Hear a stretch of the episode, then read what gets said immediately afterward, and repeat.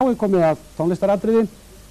Hann er komin hingað, strákurinn, með hljómsveit sína. Þessi ungi maður hefur haslað sér völl á daglega sviðinu á undanförnum þremur árum, látið mjög að sér hveða. Nú, eh, hann ætlar að eh, syngja okkur lag sitt sem að kalla Leiðin undir regnbúan og það er Heimir Már, bróður hans, sem að samti textan en hann er stjórnmálafræðingur.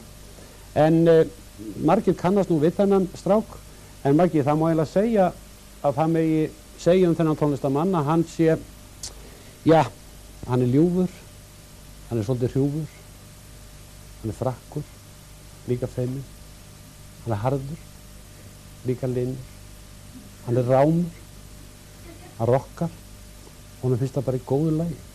Rúnar Þór Pétursson og Hljómsveit!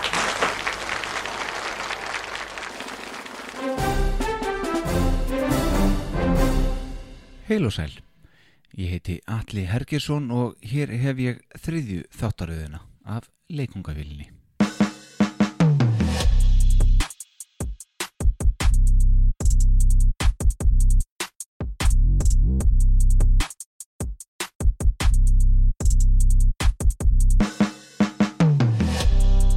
Þessari þáttaröð ætlum við að tipla létt yfir nokkrar af þeim íslensku plötum sem höfðu áhrif á mig sem ungan dreng þegar ég var að stíga mín fyrstu skref í bassalik.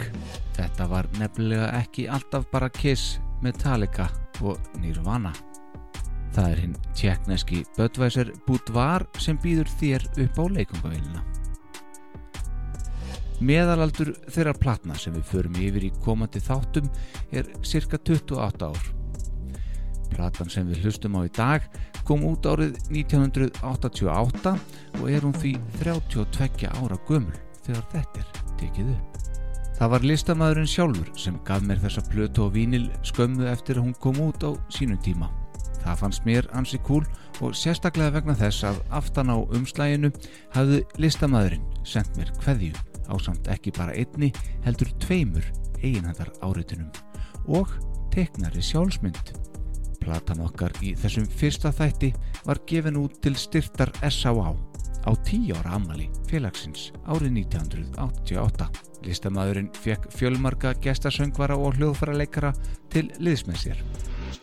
Hér erum við að tala um Eðimerkur Hálsa með Rúnarið Þór Pétursinni.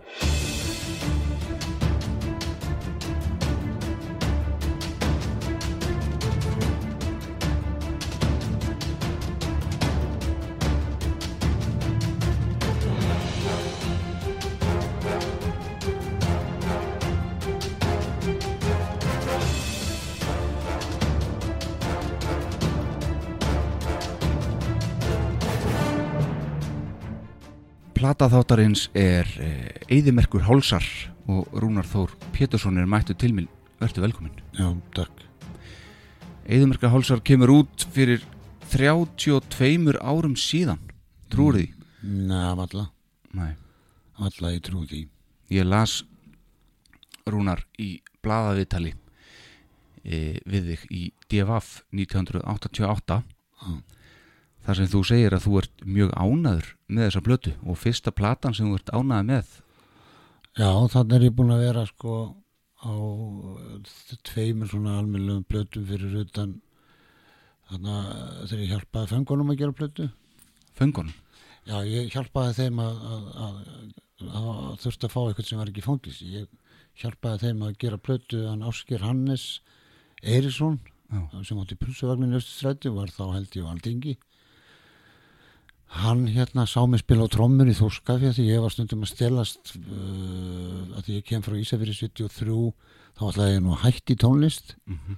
en uh, trúlaði mig fljótlega og var að vinna hjá tendapappa oft í hjá Ígar og Gilva, og svegi Mhm. og hérna og þá var ég ofta að, að hérna að, að spila á trommur 372 og Trí og Þorvaldar var ég í og ég var í mennvillingunum áður en að Sigga Bendins tók við og, og hérna ég var svona dálítið mikið að spila þá þá hérna bara sem trommari og svona létt lítið á mig ber og hétt bara Rúna Pítur Giss og hérna og var eiginlega búin að fá nóg, ég hef búin að spila frá því að ég var 12 ára til 20 ára í nýju hljómsveitum á Ísafyrði ég var með, við stopnum fyrst hljónst ég og Reynir sem endaði svo í Ír og samt í textan við kanninuna.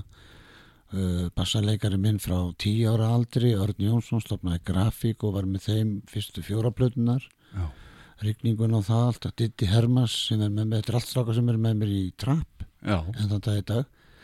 Uh, Kristján Hermansson hann fór í BG og spilaði þín einsta þrá til dæmis þegar þeir fóru að taka, taka það upp í útarsúsinu og Rúna Vilberg sem endaði í symfóníinu og þussafloknum hann er er trómuleikar og svo var uh, í byrjun með okkur Stefán Símanusson uh, æskuvinu minn.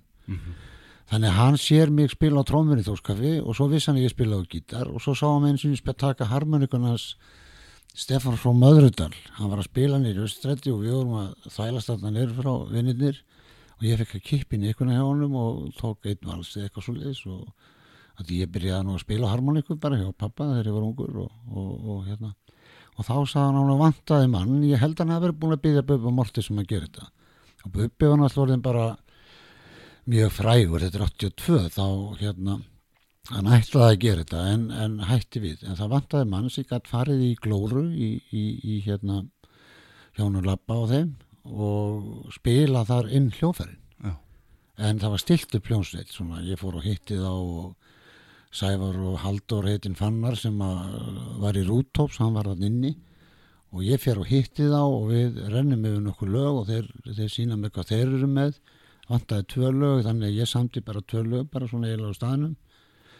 Og hérna og síðan þurfti ég að fara í glóru á, á, á hérna einn og hálfan tvo mánuði að, að, að hérna spilin kassagítara, ramaskítara spilin trommunar fyrst náttúrulega með þeim og, og Haldur Fannar var alltaf með mér, hann var eini mann sem mátti alltaf koma. Og hérna og hann var náttúrulega frábær hammaldleikari og hljómbúrsleikari og söngur og textasmiður og, og var búin að vera í Rútops og svona og hann var alltaf klár og hann var eiginlega eins og ég myndi segja ef ég var í Lennon ég hefði kannski ekki orðið svona góður að því nema að því ég hitti McCartney. Já, og, og Dóri var svona dóldi Paul McCartney fyrir mér. Því að síðan gerum við þessa plötu og, og, og hérna og ég fer með hann í landið og, og kynni hana og tala um þessi mál eins og þau get orðið. Já, þá ætla að tala um plötu þáttarins? Nei, Nei, nei, ég er ekki að tala með þeim sko, ég er að tala um þessa rimlarplötu sem ég gerði. Rimlarokk, ymmit Já. Já, já, já, sem ég gerði, gerði, með, gerði Að, Þetta er 82 seiru, þarna Já. ertu hvað, 29 ára? Nei, er það? Já, er það ekki? Þetta Ertu ekki fættu 53? já. Og síðan gerum við eh, svo annar lag ég og Haldur og, og, og hérna á satt plötu sem hann Jói G. gerir, það voru þrjár plötur menn máttu senda inn lög. Já. besta lagið átti að fara á fyrstu plötu nummer eitt og svo framvegis. Já, og Blómin mín sem ég og Haldur söndum og tókum upp Já. það var náttúrulega lag nummer eitt og plötu eitt. Auðvitað. Þannig ég get líka groppa með því en þegar Haldur er og var, ég ætla að ég er bara svona langt að halda hans minning uppi því að hann er, var ótrúlega tónlistumæður, frábær söngvari. En að því varst að tala um þessar plötur þá gerði ég líka X-Blended með rappa heitinu Jóns, þá var hann á trómur Sigur ekki Sigmes og gítar Lárus Grímsson er eik á ljómborð og Jonni Ólas á vinnum vinna bassa og ég söng Já. og við gerðum fjaralega plötu. Síðan ger ég Gísla í tilefni þess að mér fannst uh, Gísla ekki fá að vera í friði Gísla Uppsulum mhm, hann er á lífi þarna, býr þarna einn og búið bú einn og farið með hann á sjúkur og eins og ég var ofta að grínast með.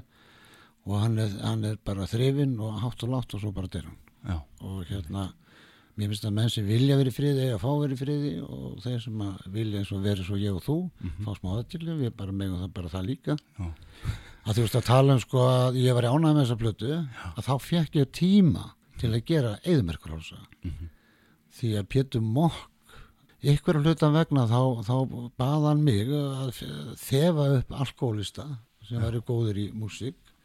Það er ekkert mál. Nei, nei, nei, það er alveg, ég held að segja sko, ef að fólk vissi alla, um alla sem að er á aðfund þá myndi ekki trúa því sko það er með segja vinnir þeirra sem minnst ekki á það.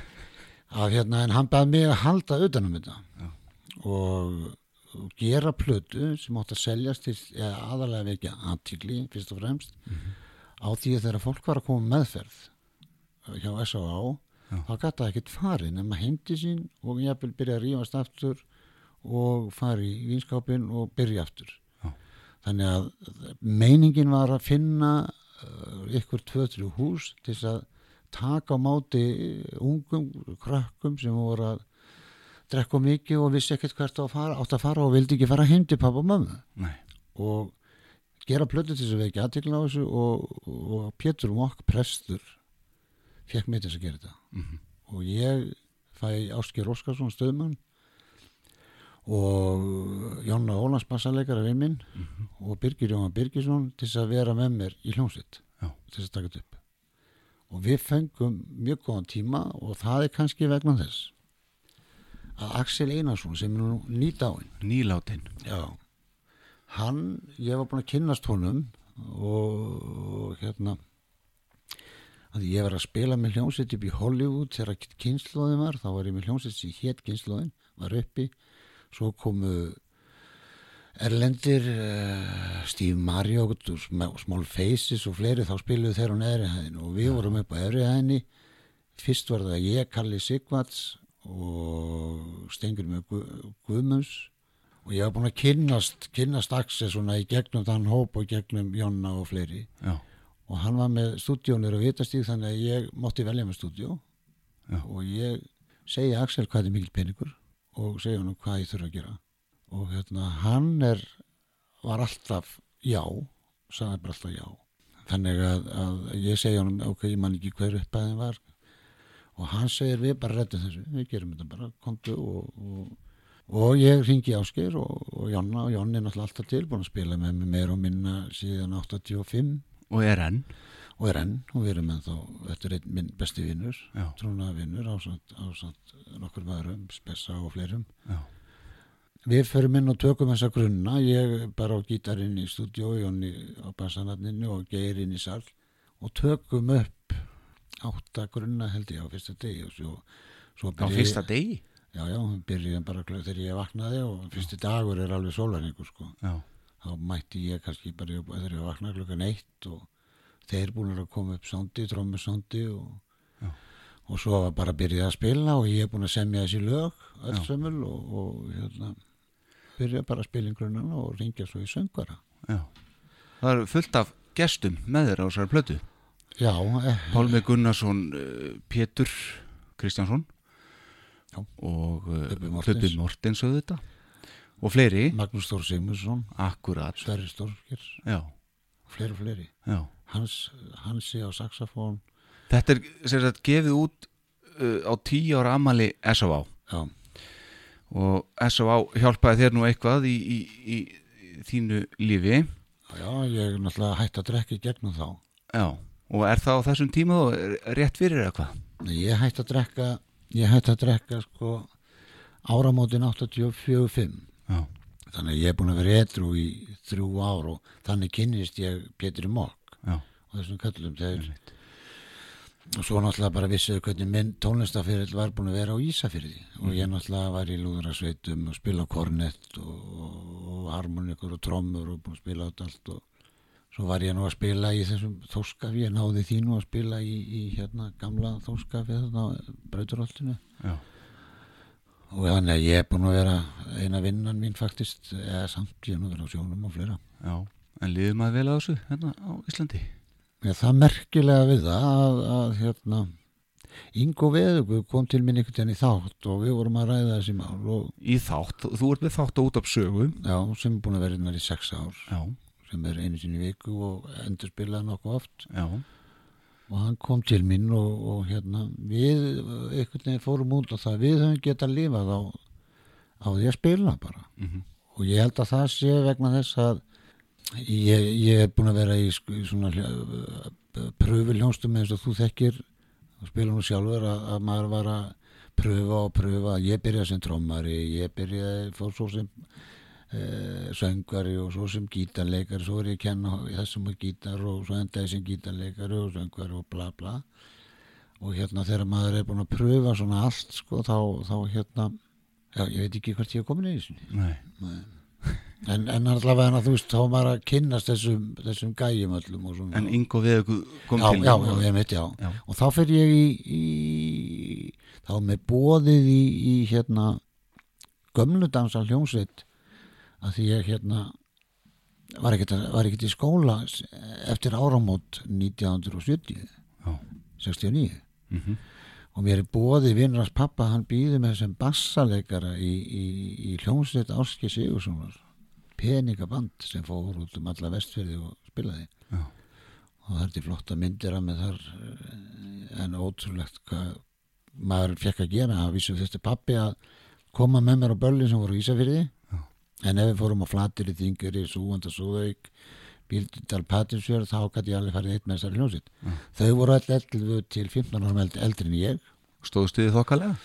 já já, þjónaði vel og ég man einhvern tíma nú sko bróði var að koma í land ég held hann að vera vikingi öðrum og ég var nýbúin að spila á, á, á Þorrablóti á Flateri á Stúdung held ég að við heitið.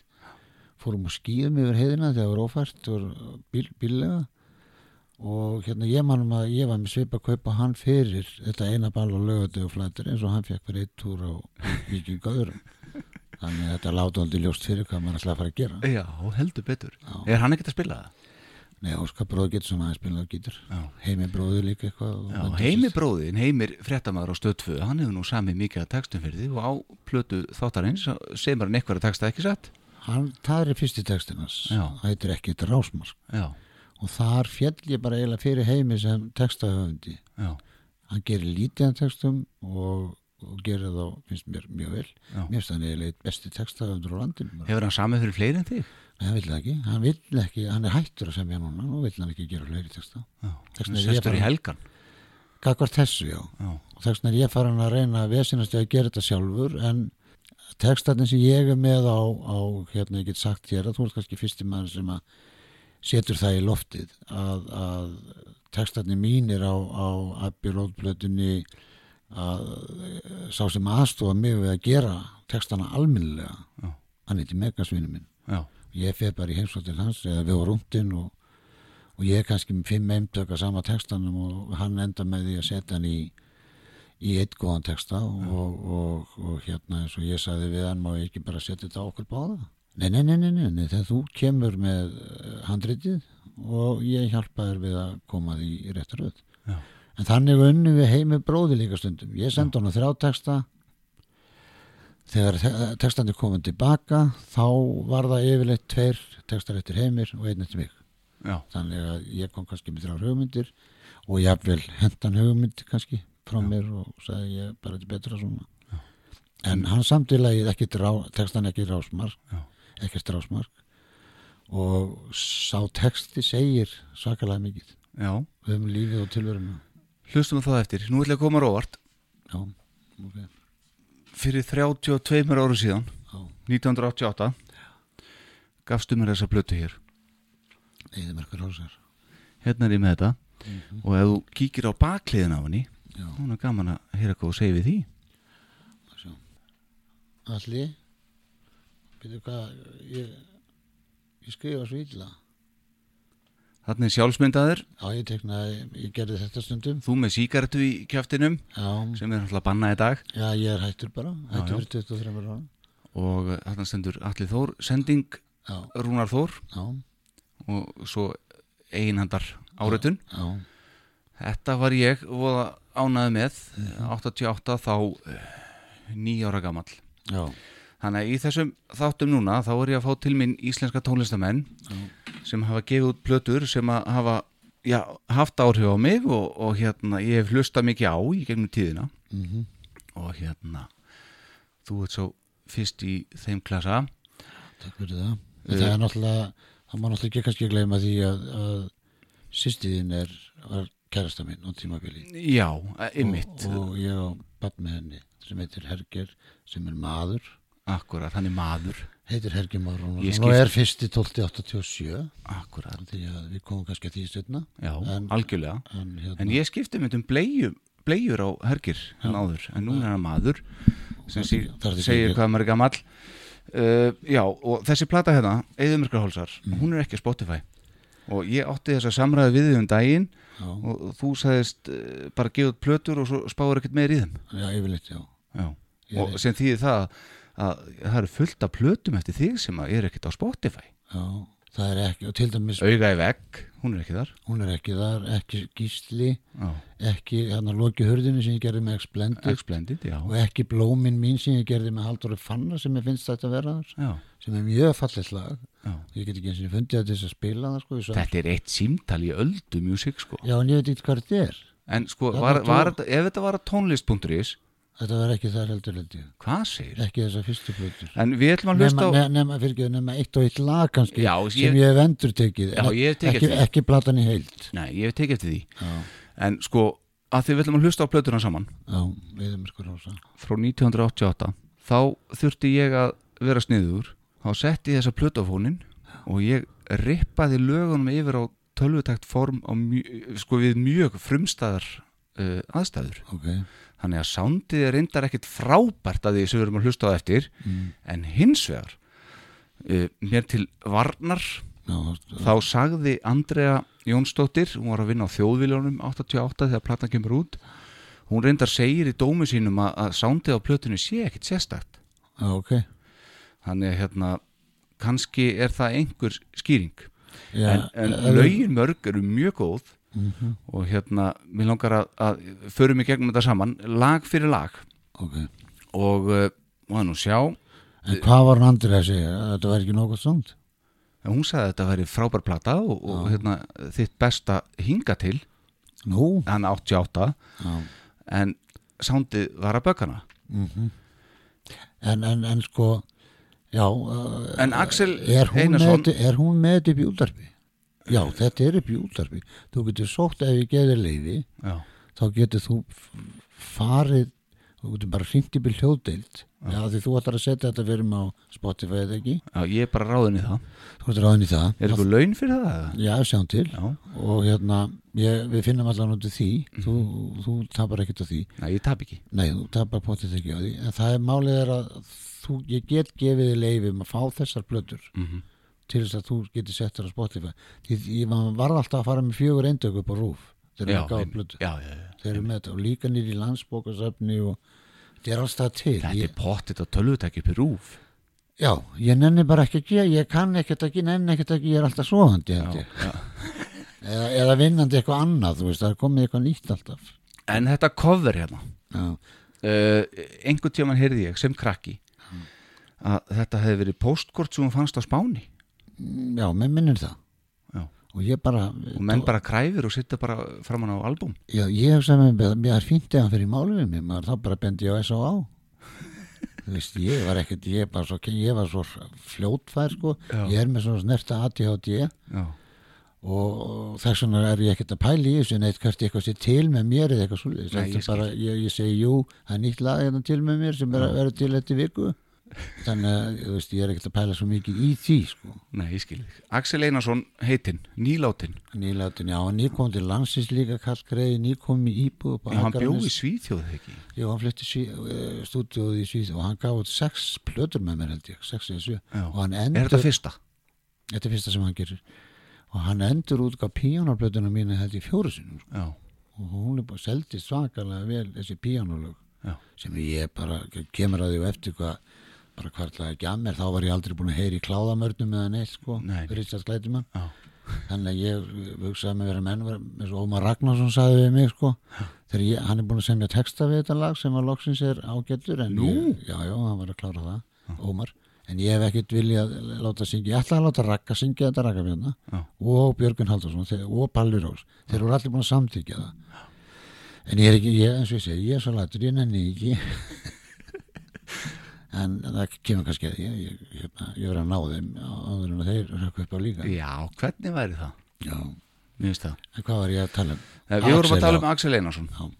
Hann tekur þetta upp og, og, og stúdíóð hans héti, ég maður ekki hvað Stöðin. stú, Stúdíóstöðin, já, var á vitastíl fyrst, nú var, skrítið, ég var að hugsa um á leiðinni hérna, því þú varst að segja mig frá þessari blötu, að Axel kemur til landsins og á þessu ári er verið að rýfa stúdíuð, það sem hann Já, það. það sem við tókum þetta upp, já. Tókum þetta fyrir ofan púlsin ef maður stætti því, Nei, nei, nei, það var veitingastæðar og vitastíl, blúsbar, fyrsti blúsbarinn í Íslandi. Já. og við vorum upp á þriðju hæð, ég og Axel, Klöfulegt að hafa stúdíó upp á þriðu þetta Bera allt rastlegan upp maður.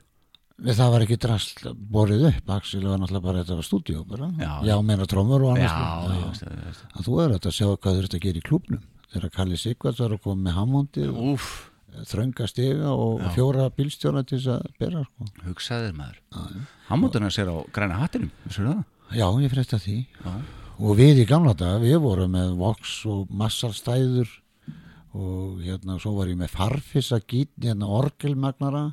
Í, og tengdu þetta stundum saman allt þetta drast til þess að þetta herðist í gegnum þessi félagsheimili sem við vorum að spila í Nýstal og Bíldudal og allir með þessum stöðum sko. Já. þannig að við þurftum að bera ég, Búið að ég bera fullt að dó- dóti gegnum tíðina? Nei, ég er, þeir segja það strákarnir sem ég er að spila með í dag þú ert eini sem slafst, þú lest í hverfa. Þú lest í hverfa þegar síðasta lagi var hálna stundum. Svo Með gítarinn á munnurpuna ekki neitt Nei, ekki nei nei, bara ekki bíl. En svo við klárum Axel. Uh, Hann var í hljónsöndum eins og tilveru með Rúnari Gunnarsinni og Engilbert Jensen. Að þeir komu vestur, svoleiðis Engibert Jensen og Rúnar Gunnarsson og sá eini frægi, Gvendur og Erinu og, já, já, og Berti á trómur og Axel á gítar og bassalegarinn hann var í hljómsveit með Pétri, ég man ekki, gleyma alltaf hvað, Jóhann held ég hann heiti. Og ég fór í sjalan, þeir hyrta okkur helgi við áttum laugadag í sjalanum og Ísafyrði djöfullin maður. Og svo kemur bara, ringi kallin í mig og segir, "Heyrðu, þið verð, fáið ekkert að spila þessa helgi því að það er að koma hljóns, fræð hljómsveit úr Reykjavík sem heitir tilvera. Já. og Axel sagðist að kynst mér í fyrst skipti þá. Og kynnin voru svona eftir hans hans orðum. Kottum að við erum ekki búin að opna húsið fyrir hann að þú og Örn vinnuðinn lappið inn í salin og lítið á okkur eins og við séum bara hundar. Og því lappið að bana út á endanum í glögganum snúið ykkur að okkur með flöskun upp á borðinu og byrjuð að hlusta. Og við fórum bara á taugum sagði hann. og hérna því að við vissum að það voru þið sem að áttuð að fá þessa helgi. Já. og svo sagði hann og lifti svona upp hendinu og hann sagði við hefum sett þumar puttina niður. Og hérna og búað á Þegar þeir byrjuðu? Það þegar þeir byrja að spila eftir hvert einasta lag Reppal já við vorum þeir voru að hýrða já en eftir balli þá talaði við og þakka fyrir ágættis ball það var ekkert mjög margt. Mm. en það voru böll á þreim fjórum stöðum á, á Ísafyrði Hugsaðir og þá á þessum tíma þá var ég að vinna með afaðinum Með afa mínum? Já já. Með binna?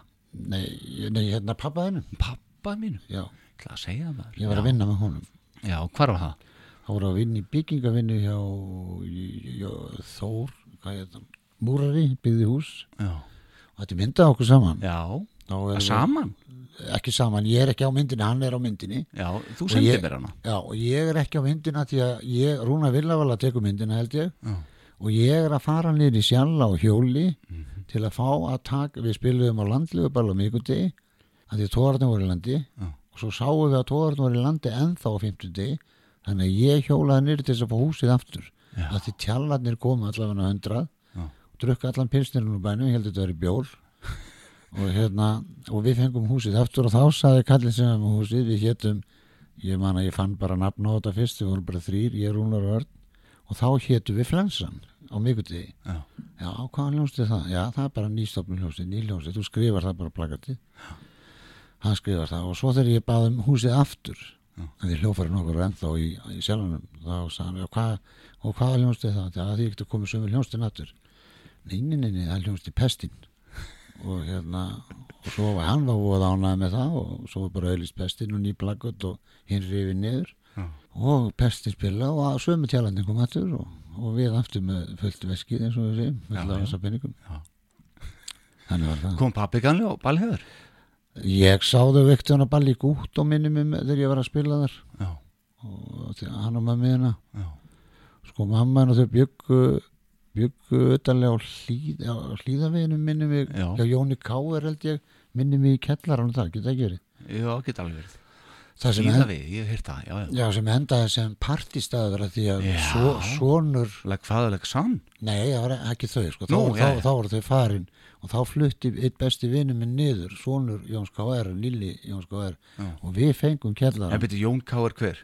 Jón K. er eitthvað tengdur og Sigga er eitthvað tengdur þér. Já, ekki, ekki, já, já, já, já, og sem sagt sonur þeirra fór í kjallaran Já, og, já, já, já. og við fór, notuðum þetta sem við meiri sér brugguðum og byrjuðum að drekka þetta daginn eftir. Já, hvað segir Já, eðurlegum halvbært nærið í húsi þeim að lykt gerlykt ekki góður að brugga.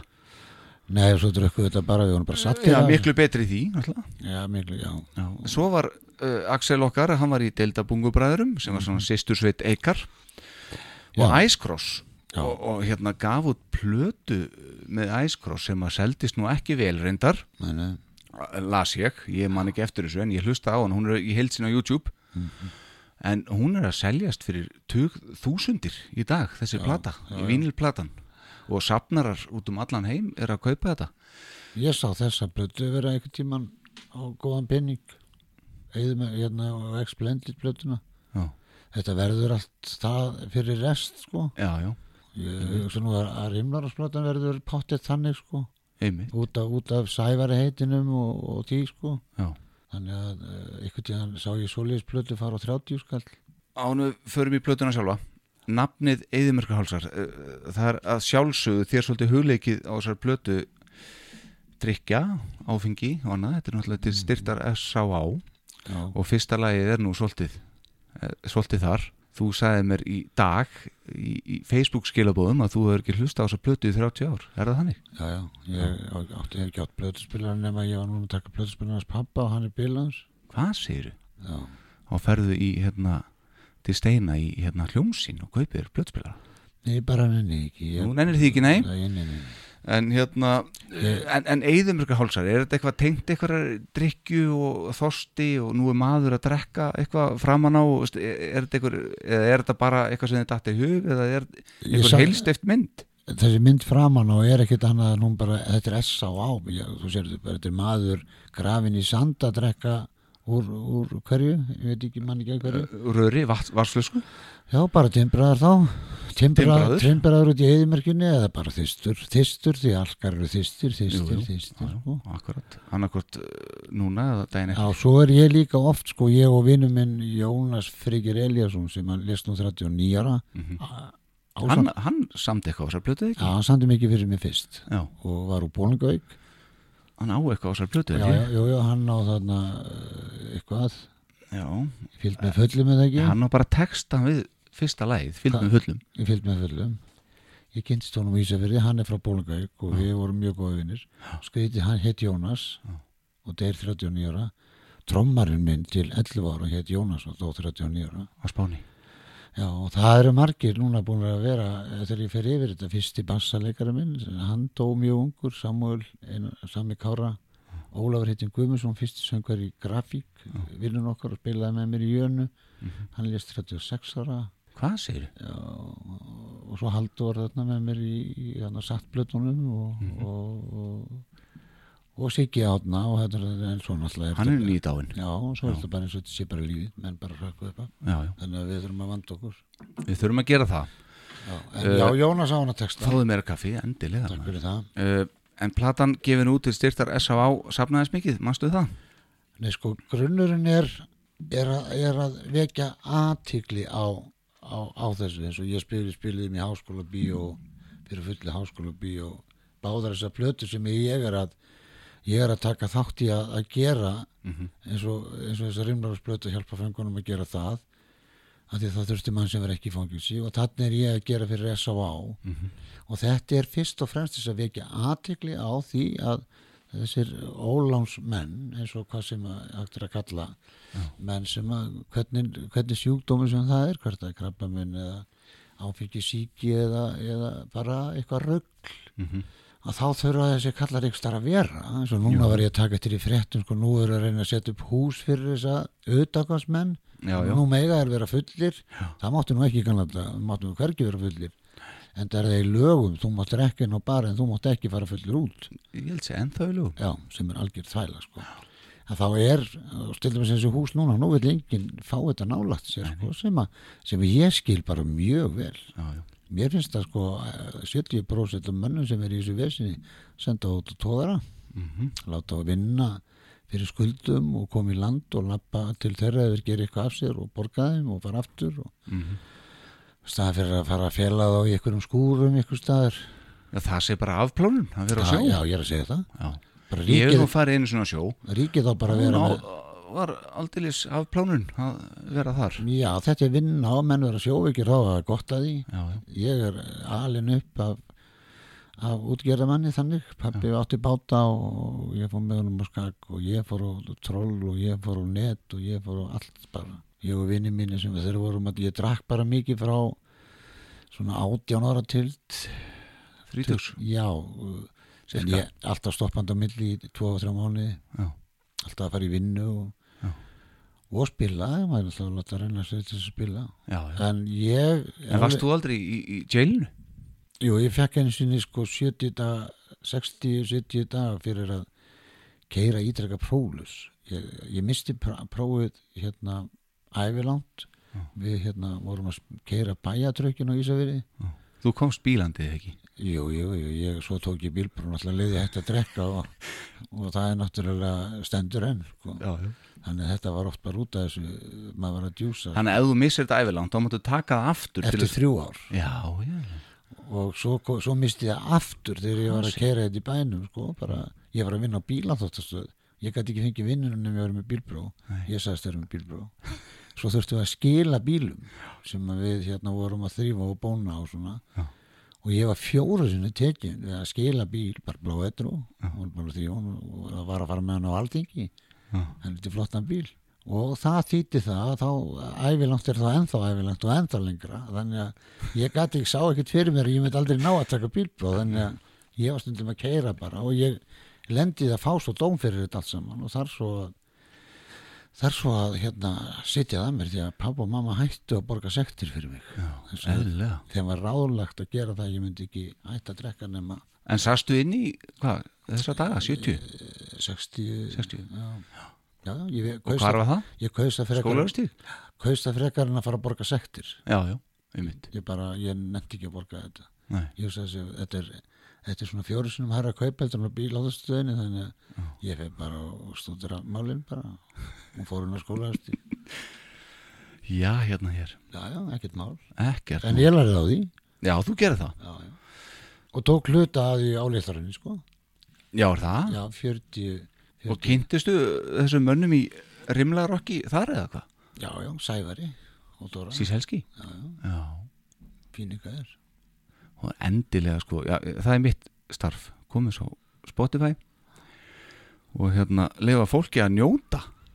Það þýr ekki bara að liggja á þessu undir kottunum er... já, þetta er nú svona þetta voru tveir, þrjir mánuðir í mínu lífi þetta, Já, en það skilur- samt eftir sig hérna músík. Skilir eftir tíulega blötu sem, en sko mér finnst alltaf vest sko því ég gerði þetta meira og minna allt. Já. að mér finnst sko að því að Halldór fær ekkert hann fær enga engan fyrir þetta því að hann gerir faktisk sko hann gerir svo mikið, hann spilar piano og Hammond og hann er með mér að útsetja þetta og hann syngur flest lögin hann er með langsterkustu textana. Hann er þessi rimlarakari sko. Já. ég er bara sendisveitnin faktist Já. því að þegar þetta er gert þá er, þá er hann ennþá inni og allt og þetta vesin allt og ég er bara í glóru og horfi á hann alltaf greiði fara þann inn aftur og, og hérna hann satt þann inni fyrir ykkur, ykkur skjalafals eins og þessir bankamenn er að gera Já, já. í dag sko Já. og svo nú sagt að og ég veit að það er rétt að, að þetta er náttúrulega 70% sko alkoholistar sem er að inni Já. en það eru menn sem eru ekki nógu vel gerðir þarna líka það, Já, má, það já. má ekki gleyma því Senda þá á sjóin. ég senda þá á sjóin Já.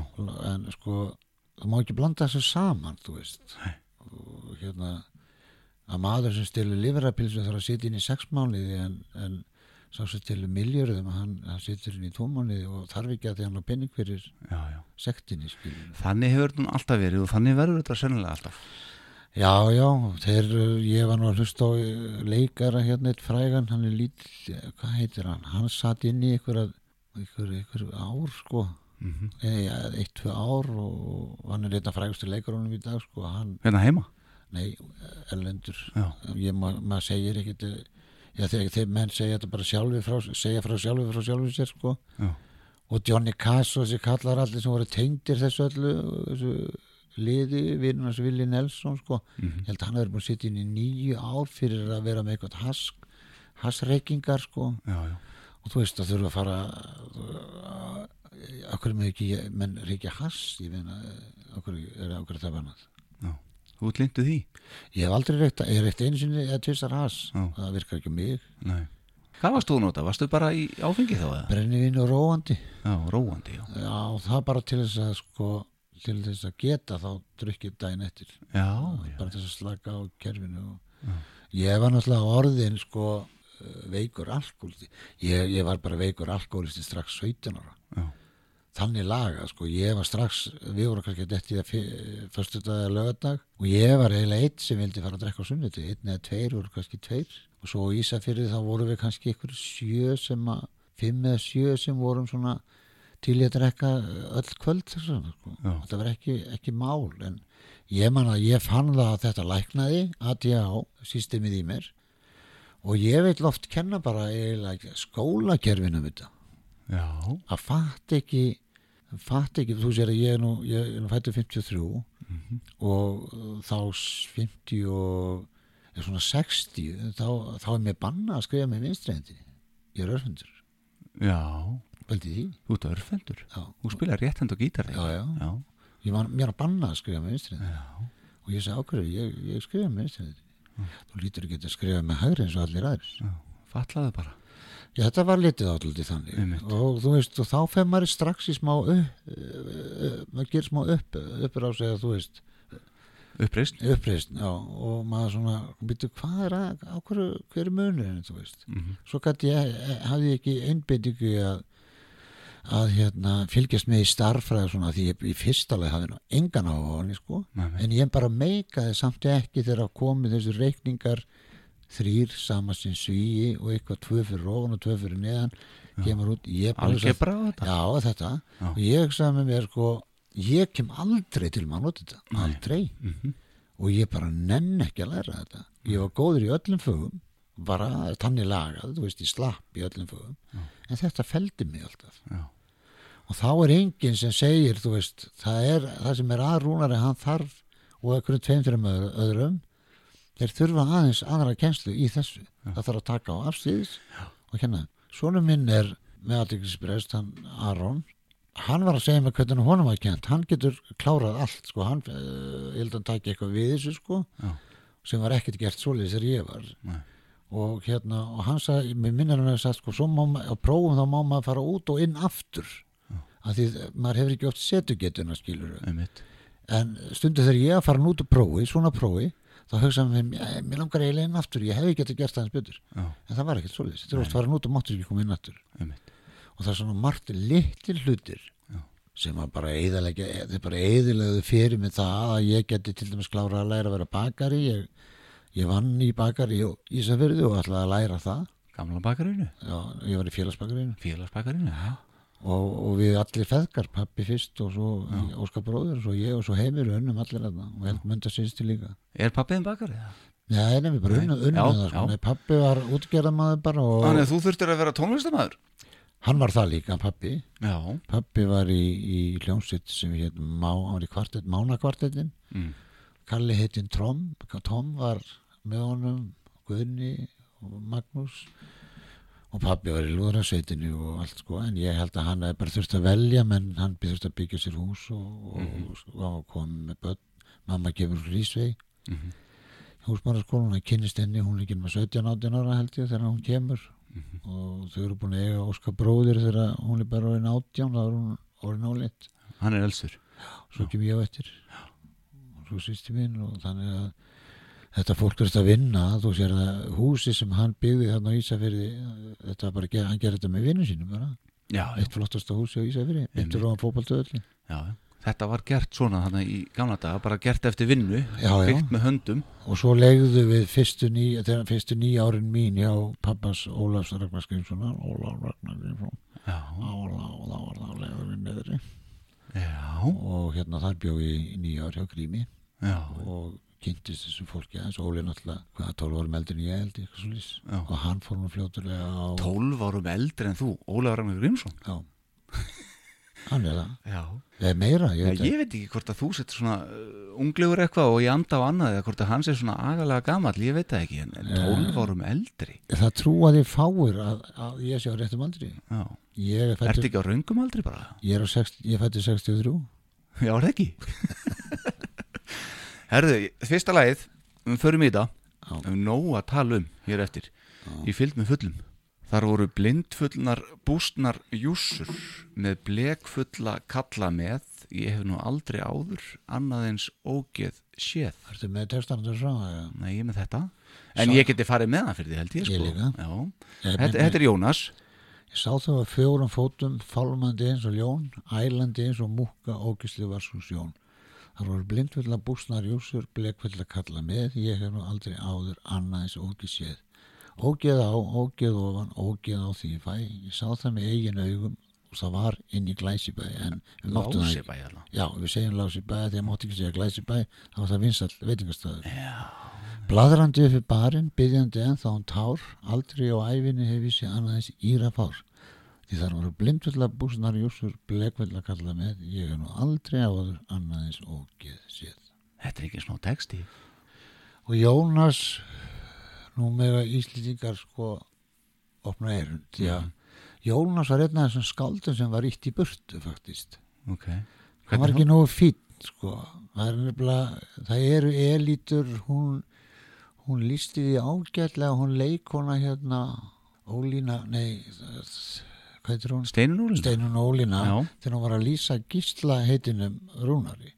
Lastu það ekki? Jú, Já, og það er þessi eilífði flokka dráttur í Ísildingum ég skil. Það eru þessir svo eru ykkur meðal menn alltaf bestir. Mhm. og svo eru snillingarnir þeir bara býða á bakvið. Já. og geta ekkert af því að þeir eru búin að eigna sér ákveðin Ég skil þig. Hann var þar Jónas var þar og hann fekk ekki einu sinna hann gaf út ykkur að sex ljóðabækur og hann fekk ekki einu sinna að fara hann fekk einu sinna að fara í bjúldarp að lesa ykkur smá uh, stú og, líka við honum hafa verið hent út. Alveg frábær einstaklingur mjög góður maður í alla staði.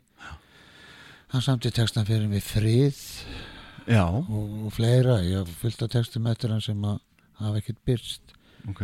Og hann svo, svo var hann líka mjög klár að snúa útur eins og byrtist mér í draumi sem dýrlít æfintýr Já. við sungum að byrtist mér í draumi sem döflegt æfintýr hver dropi sem ég drakki náist þinni. Já. svo mæðuleg og döpur í mínum huga býr en minningum var allt og löngu kynni. Og aðeins fyrir mig vill ég yfirgefa þig þú eflust vill ég spilla göngu minni. Þá byrtist mér í vögu sem vonlöst æfintýr að vera yfirleitt í náist þinni Já, manstu alla texta vel eða? Ég er mjög klár í því, já. Já Ég, Út ekki svo Raki Bjarna já, en sko, ég, ég, ég, ég geri annað. Ég, geri, ég nota triksi hans Lennons þegar Paul McCartney uh, Lennon spurði hann hvernig hann hefði fundist þegar hann sáð að spila þarna á vörlbjörnpallinu þegar þeir kynntust fyrst Mhm.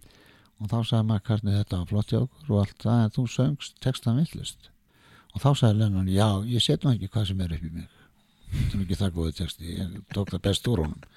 Og ég á, á að tilstundum að gera það. Þegar ég er að syngja kannski ykkur erlend lög. Og ef þú ferði yfir allan minn feril Mhm. þá hefur aldrei heyrt mér syngja ég elska þig. Og aldrei sagt ástinn mín. Það er engin texti þar sem ég nota þessi orð. Þau eru búið, er búið að trafka svo á þessum orðum. Já Er það bara vísvitandi höður? nei bara þetta er ekki til í mínum huga. Ég, ég síni ást á allt allt annar hátt. Já. Þannig að núna þá er bara hérna blindvöldnar bústnar júsur. Já, og engin ást þannig. Heyrum þetta lag, þannig er Sverri Stómskir frendiðinn, já, hann er með þér hérna. Og, og uh, syngur þetta lag. Með mér. Með þér. Herðu, kíkjum á þetta lag. Ok. Hlustum á þetta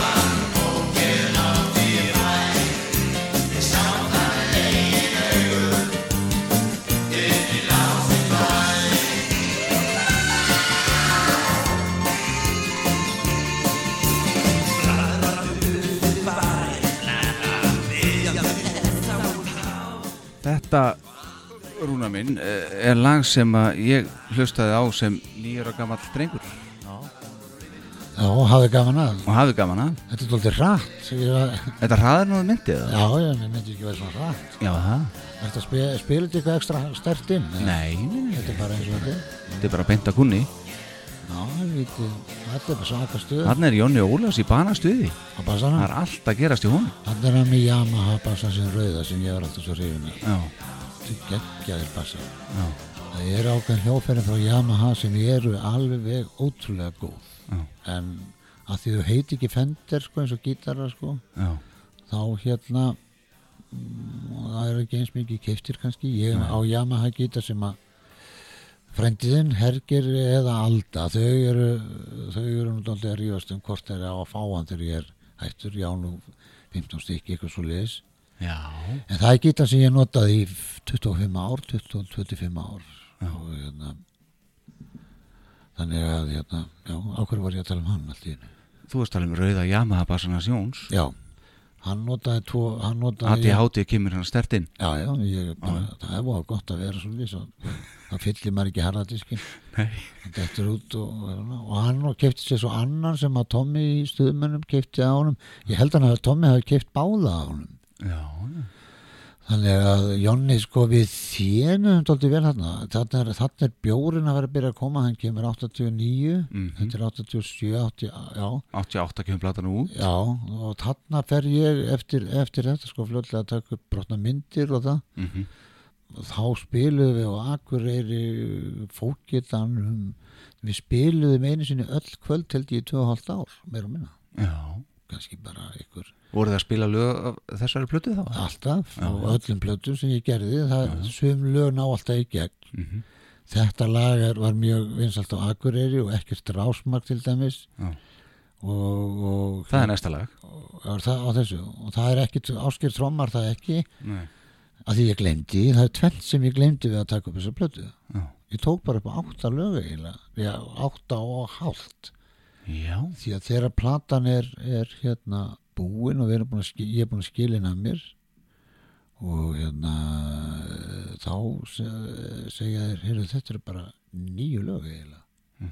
þetta er ykkur ykkur hérna, er þetta ekki hvað ég sagði ég sagði, er þetta ekki bara fínt að því ég gaf út sjölagaplötu þannig að vega í veg sko, Já. og ég átti bara ekki meiri pening þá sko Nei, nei. þá þessna, sagði ég Bjössa upptaka, upptakara þegar, þegar er komin hérna 45 skall þá, þá segir þú stopp og Bubbi sem hafði aldrei sungið með neinum öðrum hann syngur hérna með mér á þessari eh, syngur eitt lag á þeirri blötu Mhm.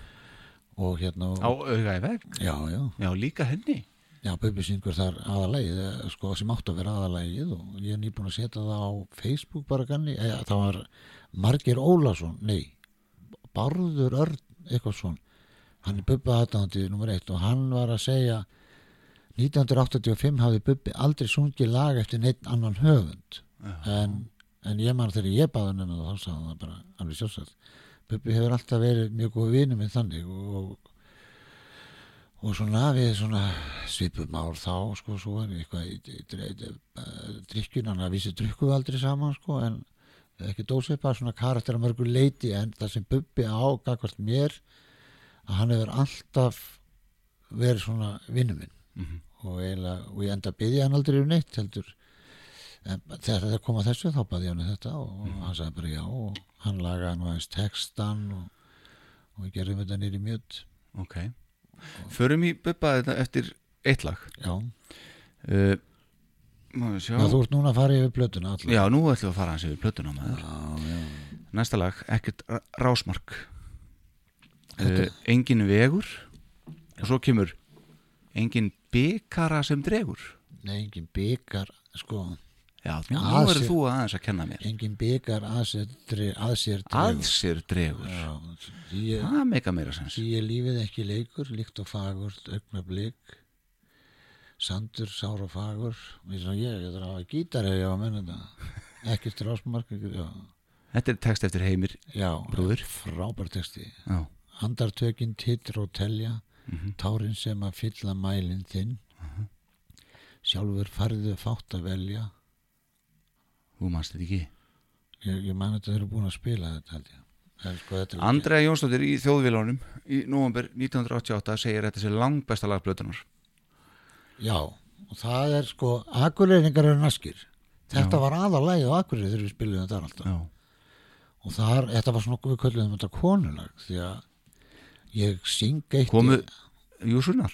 þetta var ekki Júsur og Akureyri Nei, auðvitað ekki Akureyri. nei, við vorum að kalla konubandi þar. Já, einu sinni fórum við niður að spila í sjálfakjallaranum Mm. og þá sagði einar dyraverður, ég myndi nú ekki fara niður að vera í stið. Ákverju sagði Jónas settin og strauk lóanum eins og hann gerði. Ákverju ekki, ég nú er sett í öllum sætum og það er ekki eitt kallmaður bara konur. Ég man eftir einari. Já, hann var skemmtilegur. Já, já, þetta, ég syng hérna eitt vers, hann samti bara þrjú vers. Og talar eitt vers. Já, því er lífið ekki leikur líkt og fagurt, augna bleik Mhm. sandur sár á hverju manið Sár og fagur eða ekki?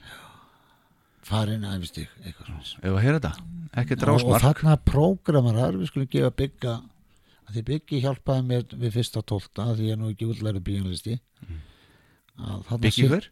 Birgir Jóhann Birgisson hefur nú verið þúsund andlit Já, já. og hann var í sálinu á tímabili hún var stóli frá mér yfir í sálinu og tveir tekni frá mér frá sálinni Ísáluna Já, ég var að spila nýra á Hotel Borg og, Steppi og Gummi koma og spotta það út og taka sem sagt tóku frá mér bygga og nú bara nenni ekki að gáða í heila búið. Tóku tvo. Var það uh, saksamáleikarinn? Jens Hansson eða? Nei, nei, nei, nei. Já, hann, hann, Hann kemur fyrir þessar plötunum Já, ekki þessari. Það er bara pappans. Jú, jú. Það pappans. Er það pappans? Já. Það tökum við eftir En hann er á annar blötu með mér, Jens. Já, ok að spilum, hann byggi hann, hann útsetti þá sko, það, á þessum tíma er doldið ennþá verið að prógramera og ég segi prógramera þetta því ég glemdi alveg að gera Óskar spila, hann var búin að taka saman og koma með þetta út í bíl. Byrjuðu að tala um einhver trommu heila núna? við erum að tala um tr prógramera trommur. Já, og hérna Geiri var komið með þetta niður stegan og allt og ég sem nei, ég nennum ekki að kalla í hann Af þriðu hefðinni, ég sagði þetta, það er mitt. Já, pröfum bara að prógramera og byggju allir til naskur. Já, og hann er einn af þessi, hann og Axel heitin gerðu líka fínt söngsamt fannst mér þá sko, ég veit ekki hvernig þetta er núna. Ekki drásmark, já tjekka Því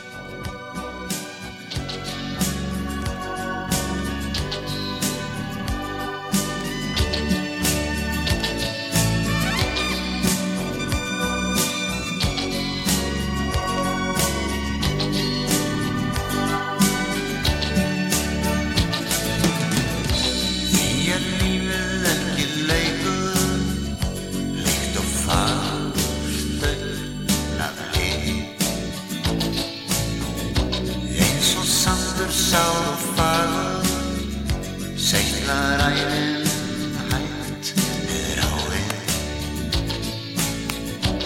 Andartökin titur og telja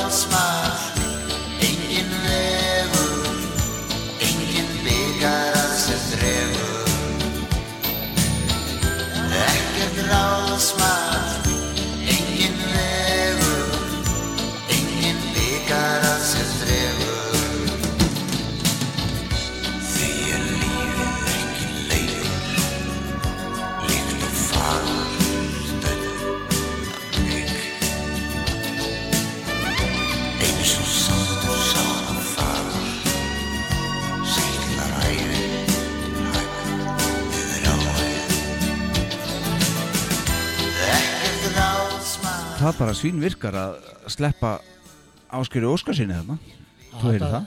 Þetta tókst mjög vel Margt í þessu, í þessu lægi sko ég trompetandi sem maður gerir, svona bílatrompetar þarna, Mm -hmm. það er flottir ég er með gulan uppvaskuna hanska á einu gítartu sem ég spilin í Nú? sem ég svona ge- bý til hennar gítareffekt sko sem maður á nú að geta bara með að leggja hendin á Já. Ég spilaði eiginlega alla gítarana nema Tryggvi Hypner er með mér held ég í einu lagi, hann er með mér í Hjarta Slær eða tveir menn en kona. Ég man ekki hvað ákvörðu vorum að vesinast með það, það jú, það, það hétta fyrst hjá mér.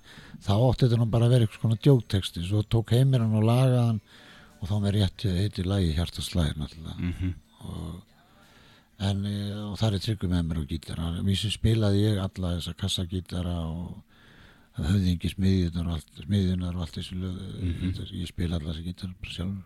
Já. en já, og hann gerði hann, hann byggi er voða hann er voða naskur. Hann er svona hann, hann, hann, hann kemur þér inn í svona einhverja drauma heima. Og hann og Axel sko, ég, mér finnst þetta allt í lagi söngsátt, þetta er 1988 eða ekki? Jú. Og, og hérna ég, maður var ekkert að fá eitthvað mikið tíma til þess að syngja. Nei. þetta meiri partinu bara sungi beint. Já. og svo kannski bara En rætti þetta er nú svolítið svona þetta er svolítið stór átt með. Þarna? Já, bara í dag líka. já, já, ég var náttúrulega þegar ég byrja að spila þegar ég er að byrja að spila á Ísafyrir þá var ég byrjaði að fara í svona uh, hljónsveitir eins og uh, þegar ég er búin að vera í trapp þá stofnum við Blackbird eftir ég búin að fara inn í gömnutarsana Mhm. förum í Húsafell spilum þar þrjú lög, lendum í þriðasett það er 19 manns Mhm. og þegar ég fer þegar sumarið er búið með Blackbird þá fyrir ég á Núb þar er Egil Lólasson í skóla Mhm. og Benedikt Helgi Benediktsson sem var búin að vera að tromma dólti mikið og við byrjum að við stopnum hljómsveit sem heitir Rassar og byrjum að spila svona dólti krím og, og ég var að taka Doors svona mér, ég var Love Street og þessi lög þá. Og Egil var alltaf fyrir ofan mig lág svona dólti fyrir ofan mig og, og hérna við vorum að taka Blind Faith og þetta, þessa tónlist sko. Og maður söng dólti stert oft. Já. ég var að syngja oft stert Egil gætt gert þetta svona dólti meira látlust hann var, hann strax svona góður söngvari. Mhm. og við vorum að skipta á hljófærin ég var bassaleikari þegar hann spilaði lögin sem hann kunni vel á gítar þá fór ég á bassan og svo ef ég kunni vel á gítar þá fór hann á bassan og svo vorum við píjánu og þarna svona Mhm. en drastli var svo lélegt sem voru með sko græjurnar Já. og þegar við vorum að spila á skólabölum þá liggum við þetta að vera eins og bíl þannig að heyrist ekkert í okkur en við settum allt í bótt Já, já. og svo heldur þetta svona áfram þegar ég er búin að vera með agli og kemur tilbaka aftur og þá fyrir ég hljóst þá kom svona, kom svona tímabil þess að voru að búa til búa til svona hvað heit þess að að búa til hljómsveitir sko sem átt að vera búa stórar Blind Faith var einn af þeim sapna saman mörgum saman. Já, já, já. og þeir Svona bjó- supergroups. og mér er bóðið í jönu og þá erum við að fara í húsafell aftur. Við erum að taka Small Faces, All or Nothing og öll þessi lög. Og ég djöflast í Honky Tonk Woman eitthvað svo leiðis og svo kom Deep Purple þegar ég byrjaði að spila aftur með hörd og þá er fyrsta plata sem að ég bara trommaði allan er í bílskur þetta bara alveg aftur og aftur og aftur þá var ég svona trommu aðdáðan, það var samt ekkert neitt í hljómsveitu trommur. Nei, en þá var ég líka að syngja Ian Gillan og, og Ian Gillan og við vorum með þessi lög Black Knight, Child in Time og öll þessi lög. Og ég þetta allt og ég flög upp í falsetti sko, ekkert mál. Já. svo bara erum við að spila ykkur tíman í Gúttó og, og, og röddin þarna "Ah", þegar mann gólar textalust þarna þrísvar, svo tekur hann áttund ofar og svo tekur hann þriðið þar fyrir ofan. Algjört svona rock öskur, eitthvað. Og ég man alltaf, ég ætla að taka það sem ég alltaf geta gert. Og það kom bara þögn. Og strákarnir lítið á Slökn á þér. já, falsendan er aldrei komið eftir Já, þú meinar. hún bara hvarf. Ég mistindi röddinni svona sakalega Já. Og ég söng líka meira og minna öll lög í þessum hljónstil nema þegar ég var með reyni Já. sem að kanninu ír eh, manninu sem er með mér ennþá í dag. Þannig að ég eiðilegaði mér röddina. Og hún var nú aldrei beisin sko. Ef að kom eitthvað, ef átt að syngja Dr. Hook þá var ég fengið til að koma. Já, já. veist, og þessi kallar sko, þá var ég bara orðin eins og hann.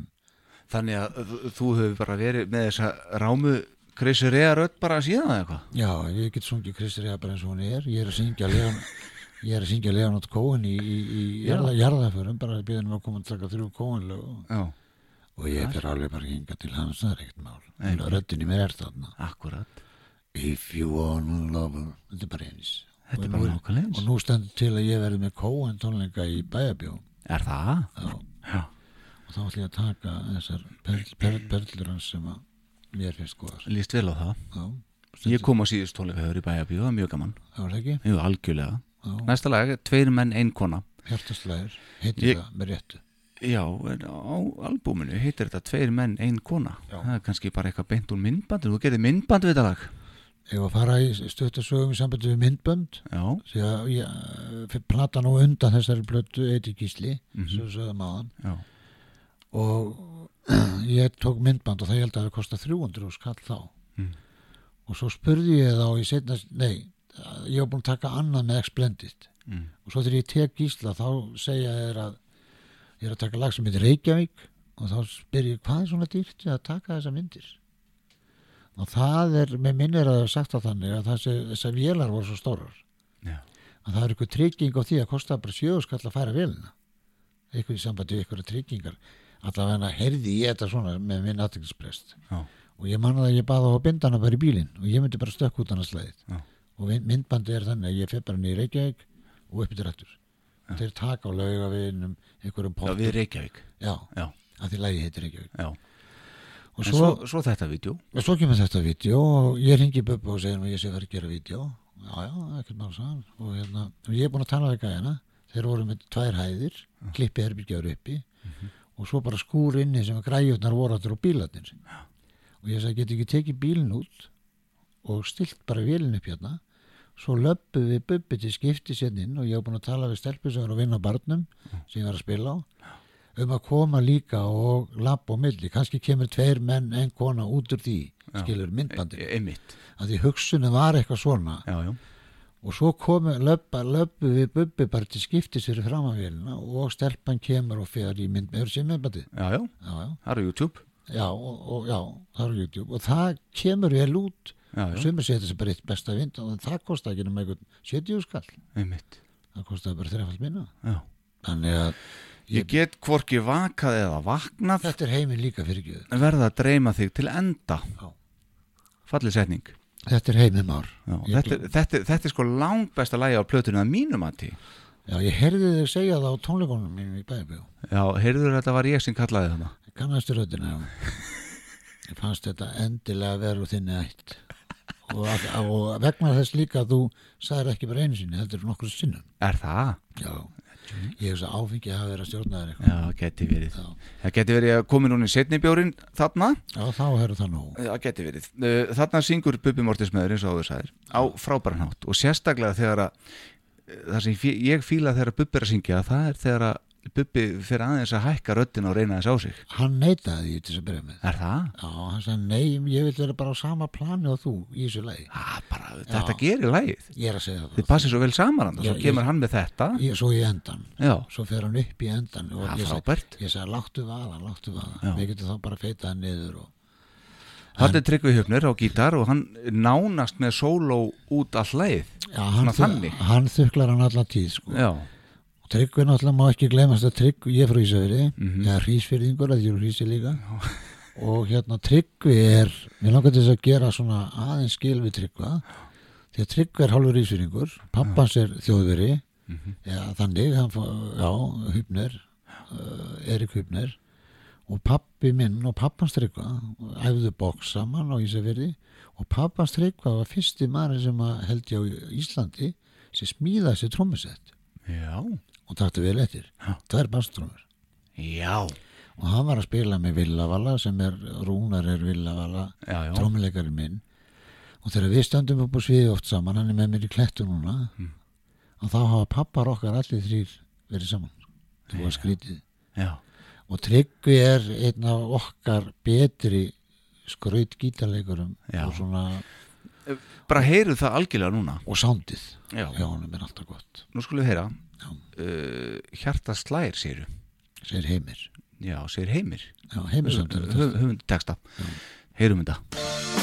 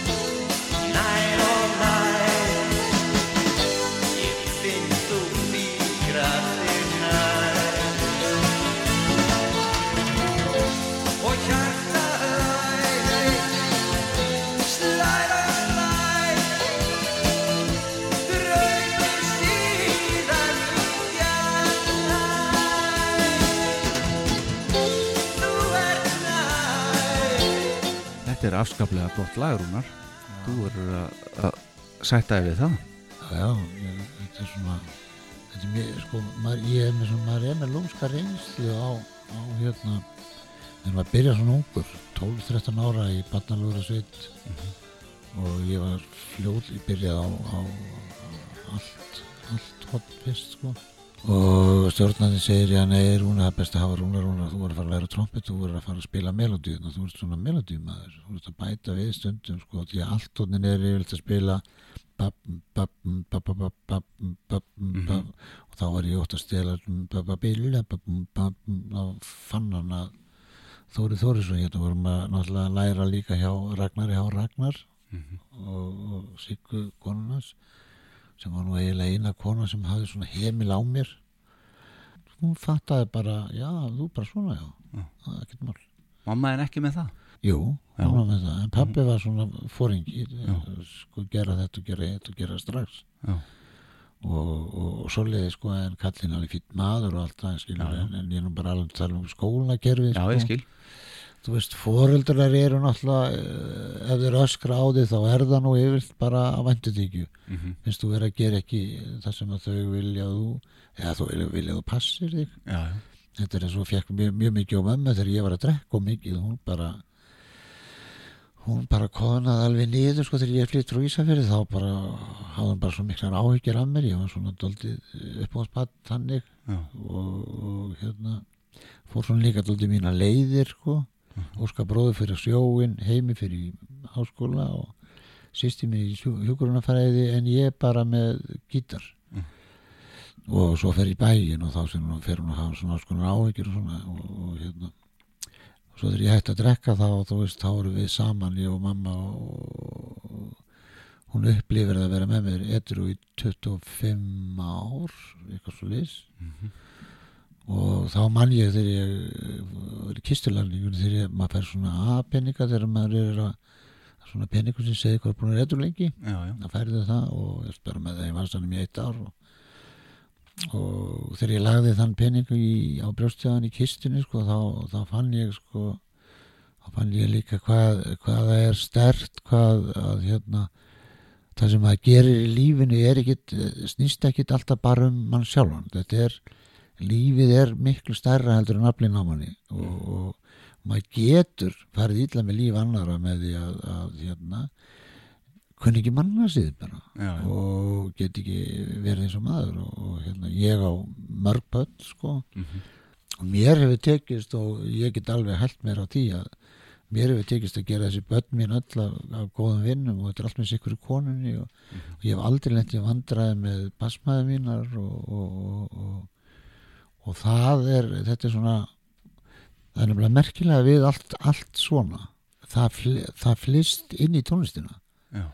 sko það sem ég var að reyna að gera áður en ég hætti að drekka og var að gera fullur og svona upp á sviði og annað sko ég þakka bara guði fyrir að, að símatni voru ekki konir þess að taka mann upp stökkvandi upp og magnara já. stælandi rúna heiti hjól og dett hún í kvistugatið og og snapptjátt og þetta allt. Já, maður, það þakka fyrir að það var ekki komið bara maður að haga sér að sko og síðan, síðan á ég upptökur uh, ég fór í vital á Rástöðu ja, til Óla heitins hérna, sem var í Ríotrjó mm eftir miðnætti.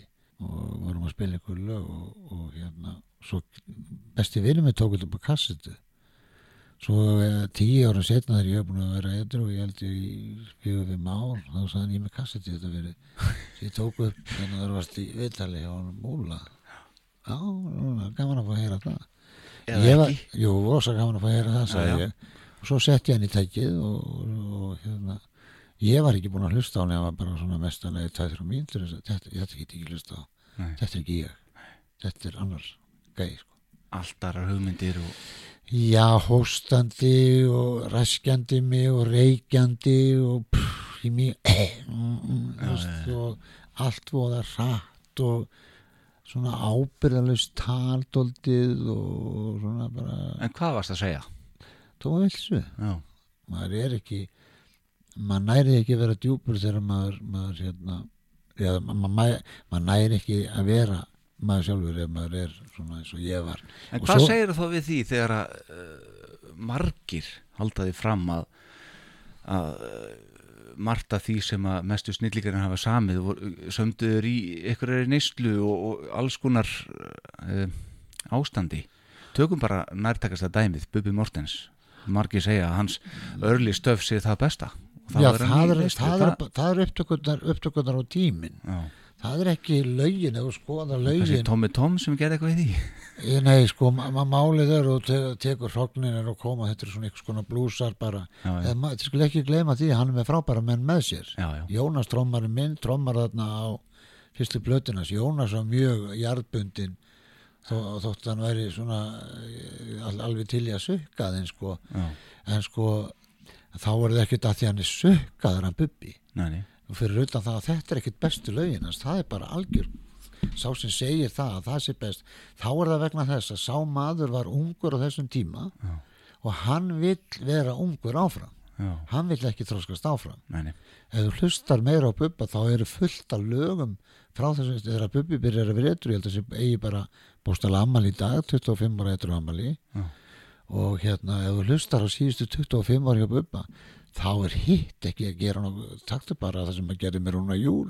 Kaupmaðurinn og hotninu og, og Mildar Sandur og það sem hann er að gera með öðrum og hann er að gera hann er búin að gera fullt af plötum fór hérna í heitulöndin og, Já, já. og sko yfirleitt eru þessi háað um það að hann að vera að gera eitthvað það besta þá hann kannski ekkert var ekkert að gera þetta allt þetta spilaðist bara svona saman Mhm. og þetta er ekkert endilega það besta en þetta er rátt Já, já. og það eru sumir það er sagt að laglausir til dæmis Já. þeir eru voða hrifnir af rári músík Já. og þú voru helst að fara út af til þess að það verði helviti flott sko. að þeir eru laglausir það má ekki vannmeta það Nei. að það eru 20% af, af, af hérna, þeim sem er að segja músík sé rosalega góð þeir eru laglausir, þeir vita ekkert hvað er að tala um Nei, svo til hálflaglust fólk og það sest líka oft ef þú tekur til dæmis þá halda þeir að þetta er gott lag Já. þetta er bara taktur, já, já, skilur við einmitt, einmitt. og svo þegar hann alltaf Bubbi er í, í þessum gýr að skemmta sér hann bara ungur og er að, er að hérna, djamma, djamma bara. já, Já, já. þá fell, í hvað hóp fellur hann þá ekki rakar á hópin og bakar á hópin Nei, nei. neða fellur hann í djammar á hópin já, já, og hann var alveg stór á þessum tíma já, já. Svo verða þessi djamarar, bakarar og rakarar og allavega. já, Akkurat. Og vilja vera bara djamarar áfram. já, já, Ég skil sko- hvað þetta segja. já, ekki, eh, sko svo, ég, ég get bara dæmi með mig Já, ég elska til dæmis lög með Beatlunum og Stones og Doors og þessum böndum sem ég var að fíla músíkina hjá og Kings og allt en svo, svo er Kings að, svo er kannski Ray Davis að taka þetta hérna kannski núna fyrir tíu árum Mhm. með allt öðru sándi lægis, hann tekur það faktisk samt alveg eins en mér finnst gamla þetta hann langbest já, ég skil. skilur hvað ég menna Já, já, og það veist alveg hvað það er ég er opinn þar, já. ég er yngri og ég er á hans tíma Já, og sko, þar næsta lag, þá ætla ég aðeins að koma inn á þetta. okay. En næsta lag hins vegar, Já, Ringi fengi mér að tala svona mikið nema þú. er gaman að heyra það. E, bara maður, það var eitthvað, segi yngan milli þín og Axels, heitins, ekki satt? Jú. Já, vandin er að vera bara maður, venjulegur eða því sem næst. Já. Lífið hefur litur sínum glatað, ljótt að heyra, það er alveg satt. Þetta er, þetta er Jónas Frikir. Já, Máli var að ég var svo hrifin af þessum texta, mhm, hans Jónasar. Og ég segi, ég, ég, ætla, ég ætla að nota þennan texta. Hann var alltaf, hann var alltaf ánar og þakkláttur ef maður ætla að fara að nota eitthvað eftir hann. mhm, Og ég segi, já, ég, ég bara, ég tek þetta, þetta, komdu með það, tek þetta með mér. Og hann átti þeim að þetta ekki langt frá stúdíónu. Og síðan sem ég eitthvað lag. Og ég er, eins og ég var að tala um það, melodíumadur og, og vill að lögin gangi upp. mhm, Allavega fyrir mig, þú veist, svo verður bara að koma í ljós hvert ykkur aðri fíla það. já, já, Og hvert eru laglausir eða hálflaglausir eða hvert eru með músíki sér. skiljið. Já, og ég fer með þetta upp í stúdíó og ég er bara að hérna við sinnast við að klára þetta lag og ég er bara ekki ánægð með það og ég síni Axel lagið og þá segir Axel ég var svona hlustaði með þetta en ég á lag sem passar alveg við þetta og spilar það fyrir mig og það bara stennleikur það er bara algjörlega við hennar texta Veitu, hvað lag varst þú með áður? Eitthvað sem við komum út svo eða? Nei, nei, ég hendi sem bara þetta Jæja, ok. bara hafa ekkert með þetta lag að gera það gekk bara ekki. Og textin er alveg frábær og mér er átt langar til að taka þetta upp aftur sjálfur að því að en Pétur, er ekki Pétur sem syngur þetta? Jú. Já. Já, Pétur og Kristján. Pétur ég maður þegar ég leiði honum að, honum að hlusta á þetta sko að hann var, hann var svo sama sinni sko hann sagði þetta, þetta, þetta verður lægi á plötunni Mm. þetta er, ég, sa- ég sagði já, ég er mjög ánæður, ég er ekki hvorki með lagni texta, ég syng það þannig að það verður bara fínt þá verður það bara aðalæð og hérna, syngdu þetta, nei, syngdu það með mig kallið minn, við tökum þetta sama kallið minn og hérna og ég söng eitt erindi sko. Já, já. hann söng allan textan og svo söngi ég eitt erindi og ég fannst þetta bara passa svo vel við hann. Ég þurkaði mig út Já. og leiði Pétur í vinni mínum að hafa þetta bara sem hans lag. Já.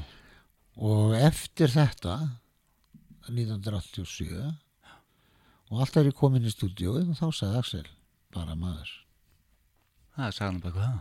Já, það er alltaf, bara maður. Og í þessu lagi, uh, Rakel, dóttir Axel barnung dóttir hans Axels, syngur hérna líka, já, örgulega 10-11 ára eða eitthvað svo lýs söngu oft, hún syngur með mér í ekki vaka og fleiri ljóm og við notuðum hann oft, hún er fín sönguna. Já, einmitt. Við að heyra þetta lag, bara maður? Hann að spila ég held ég bara eitthvað kassagítar til þess að vera með bara. Já, er það? já, stjórn Bara að að þú getur sagt að þú hefur svona að einhver liti komið að þessu lagi. já, þannig að þetta er minni plötu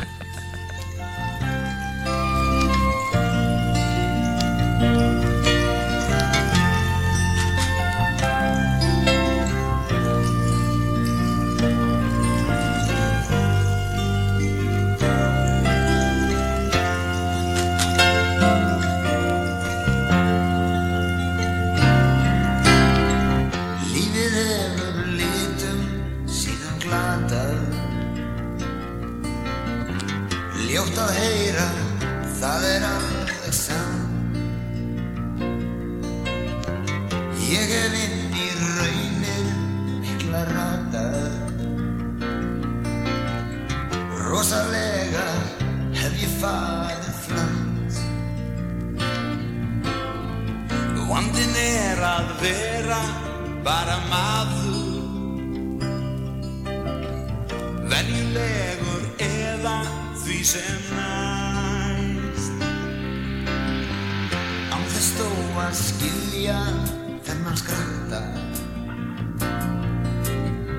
Skilja nokkuð, það er af og frá.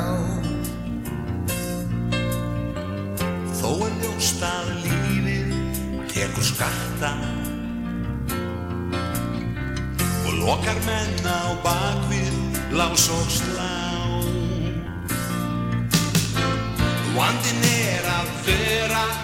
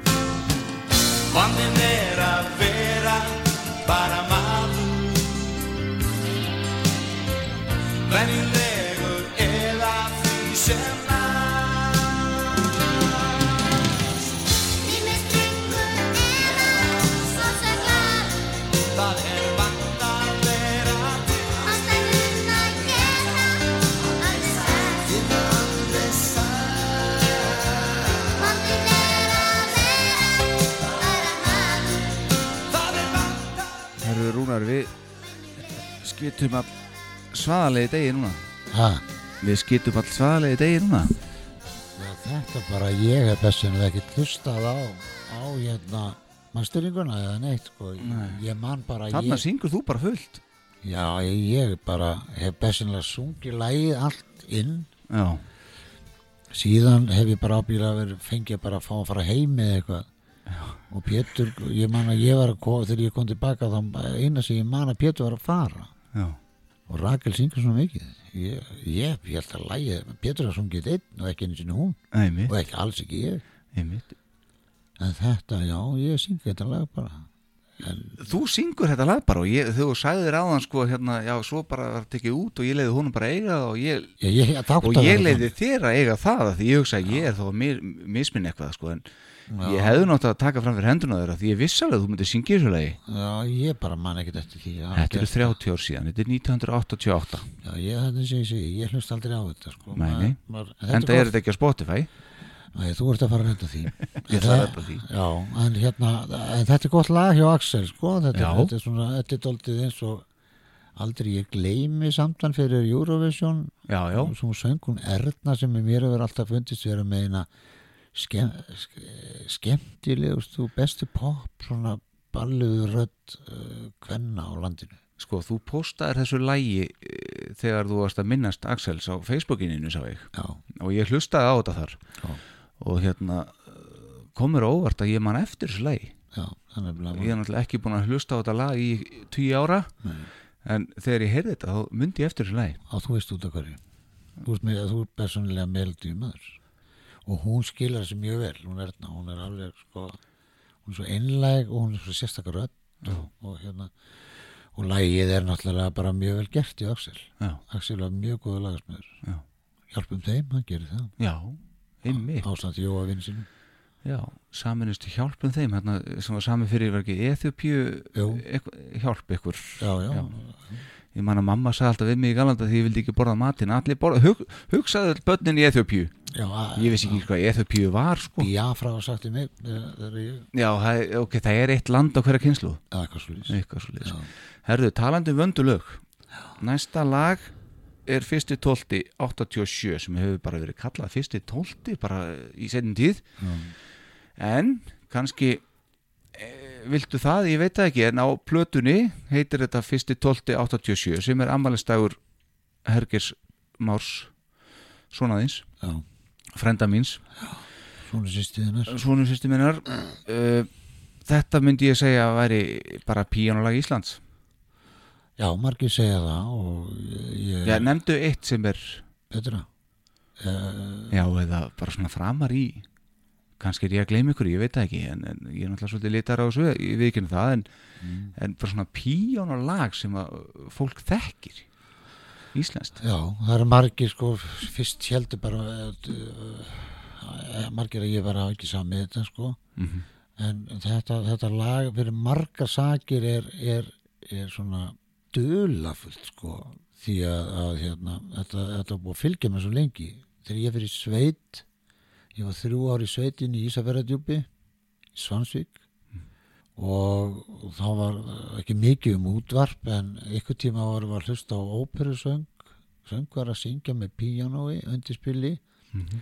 Ég var bóndinn og, þá- og svo heyrði ég þetta aftur í einhverjum jeppa, eitthvað annar lag, svona óperusöngarar þeir syngja alltaf eins og þessi syngja eftir bárujóðni þeir er alltaf með þetta sko. Og, og mér fannst þetta svo þreytandi að hlusta á þetta því þið sunga allir svona daldið eins sko. Já, og þá hugsaði mér ákveð ekki bara og ég, var sækja, ég þurfti að sækja beljötuninn á Bjarnastæði frá Sandsvík Bjarnastæða Beljunar Já, það ég held að lægi kom ekki frá því. Það er Nei. annar Bjarnastæðir fyrir austan ykkur stað sem þetta heldur til. En, En ég varð að segja þetta. Að sjálfsögðu. Já, og það voru fjóri kilometrar eh, frá Svansvík yfir, í, yfir á Bjarnastæði því að bóndin þar hafði alltaf opið túnið og þær fóru alltaf þangað þegar við sleftum út á kvöldin og svo sótti ég þær á mótnana Mhm. og þegar ég er að ykkur tíman að labba á milli maður labba alltaf hægt tilbaka, þær löpuðu hægt tilbaka þetta var einhverja nýju eða tíu beljur. Þá man ég að ég byrjaði aðeins á akaflánum þá er ég bara bara í hugunum? Já, 11-12 ára. Og svo fór ég í skóla hljóðstinnar þá kom þetta var í stundum sko, spilaði sé og þú getur gert sko byrjunina með því að taka bara sé hljóm og bæti við á bjöstringin lilla butta og, og þá er laglinn hægt skoin og oft er ég að gera þetta og, og, hérna, og allt þetta fylgdi mér alltaf eitthvað aðeins. En síðan er ég ekkert að pæra nýtt í þessu fyrir en að ég hætti að drekka. Og þá flyt ég í njar, inn í Njarvík með vinkonu minn og bý heima henni. Með henni, við vorum saman í 60 mánuði. Og ég hef nú alltaf verið kaldur kall þannig sko, ekki, eða kærulus kannski frekar því að ég sé í auðlýsingu í blaðinu að bláa lónið er að auðlýs eftir, eftir pjónleikara og Magnús Blöndal tónsnillingur er hætta. Og ég sem er mjög átt að vinna. Ég er að vinna hérna bílapartasölu í Hafnafyrir þetta er miklu stýttra og ég ringi eftir og, og já, ég sé að auðvitað þetta píónleika og þetta var ágætt skaup þá. Og þá segir hann eftir píónleikari Næ, já, nei, já. Sem er svona lámbar já, já, já, já, að maður sé að það fyrst maður að segja um það. En hann segi já og ég, ég er nú svona að spila gítar líka og svona og, og, hérna, en hann segir okkur kom að pröfa þið og ég fer, upp í bláa lóna og, og hún keiri mig vinkonu mín og, og, og þetta er lítið salur, kannski svona 50 manna salur. Píano snýr þannig að það er aðvegnum og ég horfi aldrei á fólkið. og bara spilandi dinner eða? Já, er bara mörg ég, ég kann alveg að hrægri í bíónu þannig að fólk haldi að sé eitthvað. Já, og tala nú ekki um þegar ég á þetta stef í haustum þetta er nú tölvöld meir en að hræri píónu í. Já, eh, mér fannst það ekkit svona mikið merkilegra kannski en það en já. að ég var búin að vera með þetta frá því ég var 12-13 ára. Já, og svo átti ég þetta náttúrulega aldrei neitt millikabla nei, og þannig að ég var ekkert farin að pæla kannski í þessu sem píanulegi ég var að hugsa að þetta alveg bara þessi sungilega þess vegna. Mhm. og svo ef að koma ykkur tónlistamennarninn sem ég þekkti þá greip ég alltaf í þetta. Að spila þetta bara tóldi lengi og látt og fór svo í pási eða var, eða voru ólengi að geta en svo var alltaf á hverju einasta kvöldi þá var alltaf einhver hópur eftir sem voru hodni fullir. Og þeir vildu fara að syngja brennivín í flaskan eða eitthvað á þenni að færa og ég hafði sesti þetta hjá mér ásti mín það var ég búin að læra í gömlutastunum á Ísafið Já. að spila öll þau lög. Já. þannig að þegar að koma því þá spilaði ég bara hljóma og raulaði með fólkinu og allir fór í svaka stuð. Og eftir fyrsta kvöldi þá lendi ég í þessu. Og þá segir Þórður eigandi bláalvansins þú ert bara miklu betur en Maggi það söng aldrei neitt og það fóru allir út um leður búin að borða. En þú ert að halda hérna fólkin inni bara í eitt, tvo tíma. Og sölni og salan er alveg ríkur hérna Já, já. og hérna, þú ert bara ráðinn. Þú ert langt besti gæðin í þetta. Já. og svo held ég áfram að gera þetta og alltaf þegar voru komin í menn. Að þá hérna, þá svona var ég svona þælast í þessu og stundum að reyna að búa til annan millikabla og það tókst aldrei nógu vel. En svo 80 og, hérna 7 kynnist ég stelpu. Mm. og hérna og ég er að spila dóltið um, um landið og byrja að spila bara sem Rúna Þór og Ljósitt held ég. Og ég er að, að hérna, ég hef aldrei sagt þess að sögu svona alveg 100% og ég man ekki hvað þetta var sem að þessi flý, flýill var. Og þessi stelpa var orðin orðin, orðin ólétt Var það sýsti mín eða? já það var sýstin Já. og hérna og einhvern tíðan var ég að hugsa um það sko því ég var bara einhver stöpöld fyrir sko og, og hérna ég hugsaði með mér já já þá koma fleiri meðlög og, þetta gengur upp hjá okkur og, og fór svona en svona mér leið, leið vel Já. og svona hugsa um pælinguna og, og hérna og þá bara þegar ég byrja að hugsa um það samband einhvern veginn að maður ætti nú að reyna og reyna að standa sig og hætti að vera poppari og sem ég við reyndum sko, eða ég reyndi skilur Já, já. og þá kom þetta bara lag, held ég að vera hljómból sem maður byggja átti. Og svona píjána sándi í því með, með svona pat, það var búin að stilla þannig að það var svona pat með eh, kom alltaf með þegar maður spilaði. Og þá var þessi millikafli til þannig að Herger er ekki fættur hún er ofrísk og, og þetta bara svo þetta bara þegar lagi kemur út þá finnst mér sko ég var ekkert mann ákveða að þetta heita þegar fæðingudrarinn að svo er eitthvað svoleiðis. Nei, nei, aftur á móti skilaði ég plötunni upp, upp yfir þegar að, því ég var bara svona já, hann er fættur fyrst að 1287 ég skrifa bara hún á hausin á upptökublaðinu og. Axel sagði hvað stendur fyrst 12 ég ætti nú að vera að muna hvað hvernig hann fættist og svo sitt sér ekki að gleyma því að ég var búin að gleyma því hvernig allir var fætt, fættur estisónu minn. Já, ég ætti nú ekki að gleyma því. Og svo bara fyrir bara platan út Já. í skurð. Mhm. og svo ke- kemur hann bara tilbaka og lægi bara heiti fyrst í 1287 ég var ekkert búin að skýra það ég var að var, eitthvað annar nafn í huga? ég hef með svona alls konar pælingar eða láta þetta heita Svansvík eða Ísafjörðar djúb eða, eða þá byr, byrjunin eða alls konar nöfn eða eitthvað svona Já. sko, en, en uh, svo var ég bara mjög alveg með það Já. bara fyrst 1287 Svo var ekki að næstu plötu tryggð, er ekki næsta plata? Þá voru tvö píanulug, haust og... það var bara piano, bara haust það samt ég er að fókita Æ, býttu, nú ætla ég ekki að... það er gítarlag þar líka. Er ekki, það er annað svona instrumentalag á hinni hliðinni, var það ekki píanulag? það er gítarlag. Gítarlag, það, heitir mannstu já, já, fyrirgjöðu, rétt hjá þér núna. Já, það er, það er mannstu heitir og, og, og, og Þórir Úlfars gerði píanóblötu fyrir Axel. Já. með píanólögunum mínum, svona klassist spilað á Og þetta er það sem ég ætla að segja við áðan, fyrirgjöðu, nú ætla ég að gripa fram í. Uh, þú voru að tala um, sko, þú varst að tala um að orginalli væri betri, uh, þú gafst út píanó, Já. plötuna píanó, og það er fyrsti tólti, 87, en þú tókst upp aftur. Já, og ég spil ekki píanóið. Nei, og ég heyri bara að, hérna, ég heyri það ekki, ég ætla ekki að segja það en ég allavega, mér finnst bara útgáfan á eðumörkur hálsum það er orginal útgáfan. Það, þú veist, ég heyri munin. Já, hver spilar það á, ég, píanó? ég spila það. Nei, á píanóplötunni. Já, Þórir Úlfarsson hann spilar það þar og þú? Ásmund, að því ég ákvað sko, þau eru alltaf að segja sko, að því ég er ekki, þú ert ekki píjánuleikur og bla bla bla Já, en Það við erum búin að fara yfir það að, Já. sko, að þeir sem að, er að fíla það sem er rátt þeir eru laglusi, sagður Já, sko, það, þetta er rárra á eðumörkahálsum ég ætla ekki að meina það að ég sé laglus nei, þú ert ekki nei, þú ert að segja að mín taka sér betri, Já. ertu ekki að segja það? Jú. Já. Það er að því að hún kemur frá mér Úlfars og Jóhann Ásmundsson er Ég veit að þetta er það, vélar Já, einmitt. já. Þannig að þín er betri. Mín er frá hjartanu, Já, það er það ekki bara það? Ég held að sé það. Og svo eru Geiri og Byggi með mér og Byggi ádóldi mikið í læginu sem, sem snýra útsettingunni Mhm. til dæmis þessum hotnum sem að setur hann inn í millikablan og línunar þetta er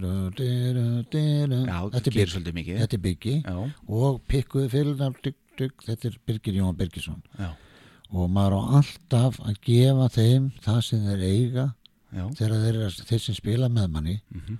því að ef ég spila lægi bara flatt sem að kemur ákveld út nú, ég er múin að gera nokkur sinni bara Facebook, það er ykkur já, já, það það er bara að tekið á síma ég, en ég get alveg sagt, sagt mér það til hrós Mhm. að ég spila mín lög finnst mér Mhm. Betur en allir aðrir. Sammála því.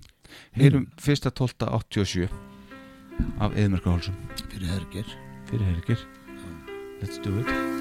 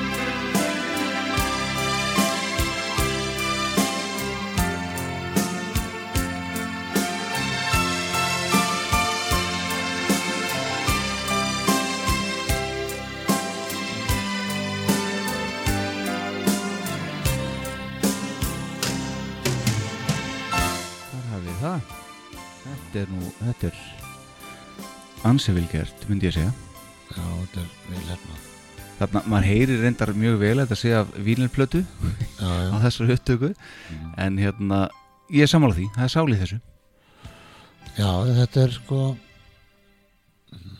þetta, þetta, þetta, þetta, er eins og maður einn góðu poppari sagði þetta er rétt Já. Hvernig var að heyra þetta núna? Langt sem ég heyrði þetta svona eða ekki Já, það er bara mjög þægilegt sko. Ég voru að hugsa um þegar hún að taka þetta upp til dæmis eh, kaplanir fyrir millikaplan þá tökum við allir hægjun sko. ég voru, vandræði með það sko. og hérna ég, Jónni og, og hérna og Geiri Mhm. þú veist að ná hægingunni og upp í millikaplan og svo í endan þá hægjum við og fyrir svo aftur á sama hraða og svo hægjum við aftur í restina og svo tek ég þú veist eh, eh, þessar eh, búm, búm Mhm. og þá tekur það með mér. Já. ég man þetta var smá mál að því við, það er eitthvað það var alltaf eitthvað í lægin sem sagði alltaf sko, þetta verður ekki strétt það, það bara það gengur ekkit upp örfis og Byggi var með eitthvað svona syngvarsir eða hvað þetta heitir, eldgamalt drasl sem að spilaði eitthvað eitthvað lúður inn á því eitthvað svoleiðis. Og hann þurfti að láta hann ganga upp að því það var ekkert eins og í stúdíum í dag. Nei, nei, þú gast ekki fært neitt og þú akkurat. gast ekki að fara að klippa eitt eða neitt. Nei, nei. og svo Það var bara að ganga upp? Já, og við erum ekki með klikkdrak Þið eru ekki með Nei, það held ég ekki.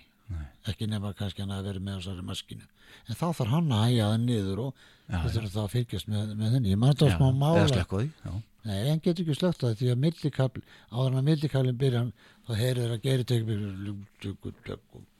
já, það er hæfið allir. Einmitt. Og til þess að millikablin geri meira þegar hann kemur. Já, Þetta var smá mála að gera þetta svona til þess að þetta yrði, yrði rétt. Og Byggi, Birgir Jóhann Birgisson, hann er einn af þessum upptökumönnum og hljómbors, hljómborsmönnum sem er opastan næmur. Já. Hann veit hvað hjartað er í mönnum þegar hann, þegar hann kemur við hljómborði, sko. Hann, hann spilar ekki bara eitthvað. Nei, nei. Og hérna, og þannig að ég vil bara gefa honum það kredit sem hann eh, á, á, á, á í þessu lagi með mér, sko.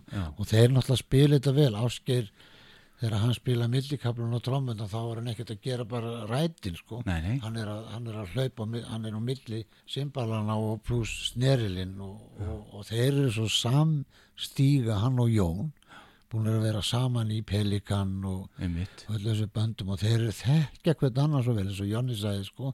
Ég heyri hvað Geiri ætlar að gera.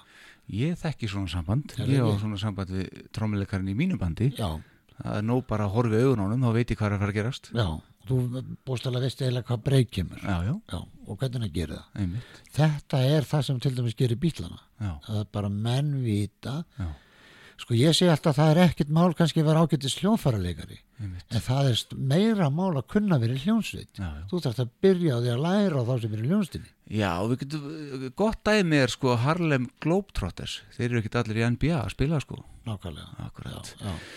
Þannig að, herðu, ok Næsta lag eh, heitir Minning. Það er lag nummer eitt á bjelið Já, en þetta, svo við klárum fyrsta tólt þá Já, á, fyrirgefðu. á nú bara sýsti þín og, og frendi mikið í þessu lægi því að því minn hugur lá, var lá náttúrulega hjá þeim á þessum tíma og hérna og Herger og hún hafa bara reynst mér alltaf frábær. Já. og vinnu minn Brynja og, og, og náttúrulega Herger hann er svona hann er ég eiginlega. Já, dálítið, ég er enda að vissi það. Dálítið, hann, svo er hann líka dálítið eins og ég vil að menn séu. Já, og þá, þá er hann stöngin inn hann, er- hann er mark hann er mark. Hann er mar ekki segja á, hann- það er mark líka. Já, það ekki? Jú, Herðu, skál fyrir Herger eh, í kaffi að sjálfsög og, og Brynju systir. Já. og við höldum áfram og þá förum við í lag sem heitir Minning. Já, Þetta er lag nummer eitt á bjelið Hann gekk fyrir víni, var skýt sami mat. Sama mat, ekki, sk- segi ég skýt sama Já, jú, það hlýtur að vera. nei, sama mat. Já, nú, núna, sko Núna, er ég ekki skráður sem texta það eða eitthvað? Maður sjá. Ég held að ég hef samið hana textum hann Jón á Röltinu Það er bara háréttið þér. Háréttið þér. Og Felix Bergsson og Pálmi Gunnarsson syngja með þér. Já, þessi texti en, en svo ég klára Það. Byrja. Allt fyrir vímu, hann í vítarhing satt En nú er hann farinn, er ekki lengur hér. Já, Þannig er ég að syngja um mann sem hafa kallaður Jón á röltinu Já. og ég tók þetta aftur með Megas og Gilvaðra þegar við spilum saman í þrjú ár Mhm. og þá heitir lagið Jón á röltinu Já. Það var nú gott stöf þegar þið voru að túra saman. Ég sá okkur græna þetta gaman maður. Já, voru við ekki ágættir? Jó, þið voru, þetta var bara stand-up sjó, sko. Já, já, við lögðum ekki alla áherslu á spilamennskuna, heldur, heldur bara peningana og, Já, og ræða málin og svona. Já, það hjá okkur. Já, já, En Jón á röltinu? já Jónaröldin er þannig að, að hérna, ég er ekkert um að keira fram hjá nöstinu Mm uh, sem er bara í Reykjavík Já. og hitti þar Jón sem var Á röltinu? og dreikveldur Já. og fekk hvergi að fara inn á svona slitta úti og ég bara ég vorkinn þannig alveg hræðilega mikið Mhm. og hérna ég veldi að vera í bíl með einhverjum öðrum og fó bara út í bílnum og hérna og ég sem hann var þunnur og svona og hérna ég sagði fara bara þannig inn. Ef þú kemst inn þá kem ég og, og, og ég, ég geður í glas og svona og ressun þig við og svo fer ég bara. Og hann lappar á stað. Algjörsljómin í gammal kall eða ekkert gammal þá nættilega bara bindur eitthvað. Og uh, vonandi er enginn á- frá nöstina að hlusta á mig kannski. Það búið- það búið lokunastinu, sko. ég veit að, ok, þá, þá bara við þetta vaða. En það var ykkur að vinna þér þá. Nema það að hann lappar þarna og svo sé ég bara honum með hend í burtu eins og, eins og bara ekki manni sko, og ekki einu sinni dýri sko. Maður kemur ekki svona fram við dýrinu sinni. Nei. og hann rennur þarna á hausinn og verður og hann óbúst að sár því að hann var ekkert að gera hann að það hefði alveg hægt að segja bara nei þú fær ekki að fara inn. Já, ég skil. og það var kavald og myrkur það haust. Þú búin að byggja hann að fara inn Þegar slompaður Róni gekk niður á nöst gekk fyrir víni, var samaða mat allt fyrir vímu í vítarring satt Einmitt. Og núna kemur í ljósrúnar hvort að þú segir sama eða skýtsama. Já, ég held ég sé ekki skýt Ég að tjekka því. Já, ég held getur vel verið, jú, ég var svo ungur getur vel verið að það fara þannig Skoðum þetta. Það var kavald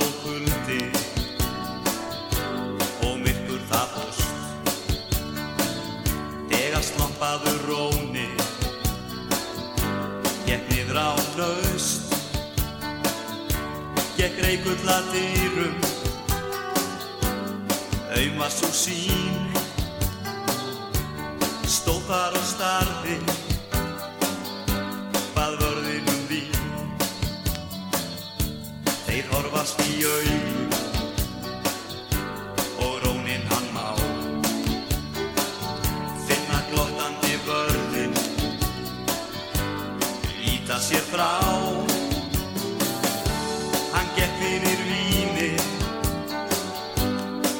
skýtsamum mat allt yfir vímu hann í víta þing satt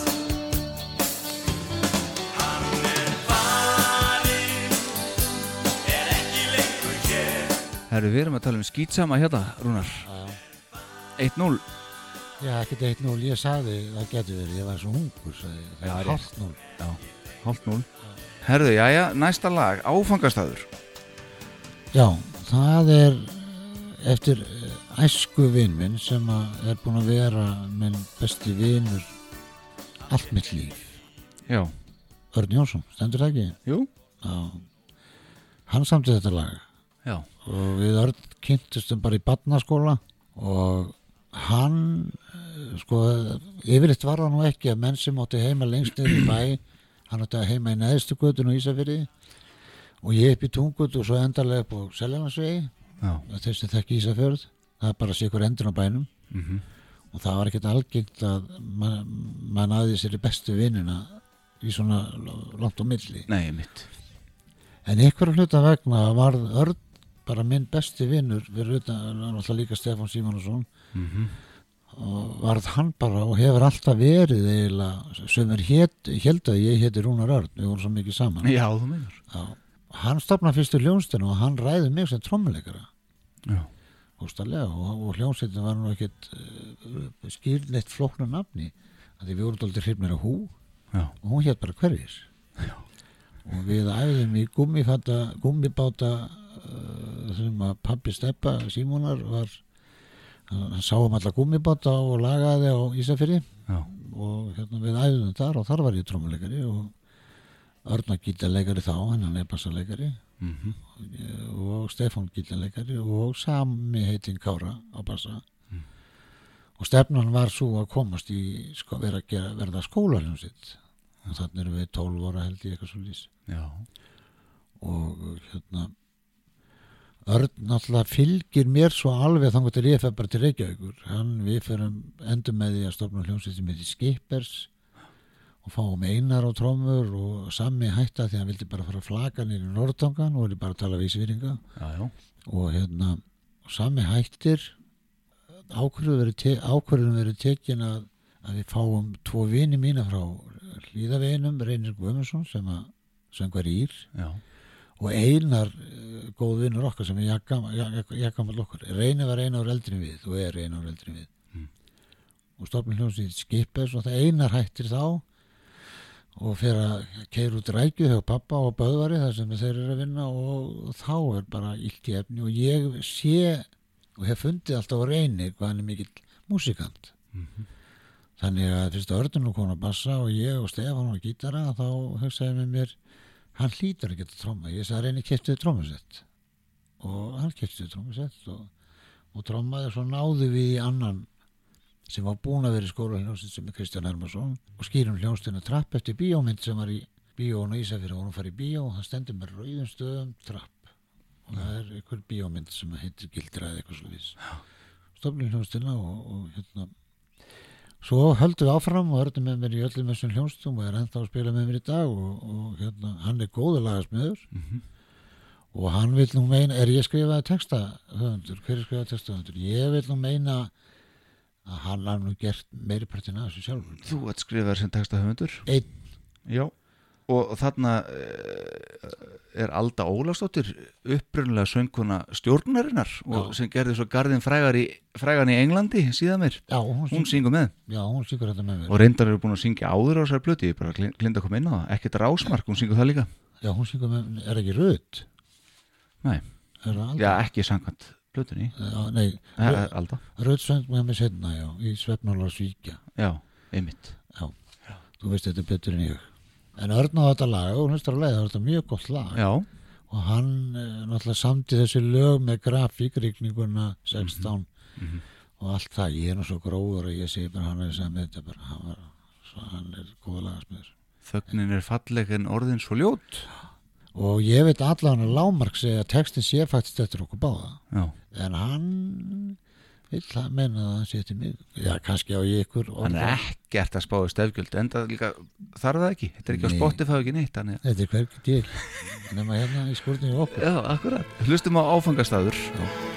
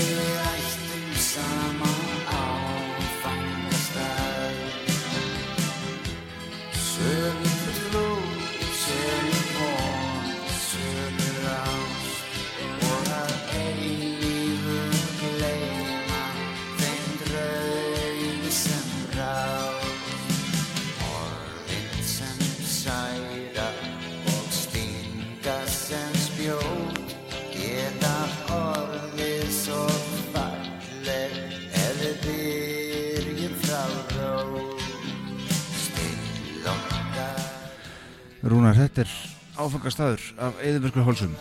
já, Það er eitt sem að hérna, ég held að þú ættir að hafa í huga já, fyrir næstu tónleika í já, til dæmis í bæjabíu Já.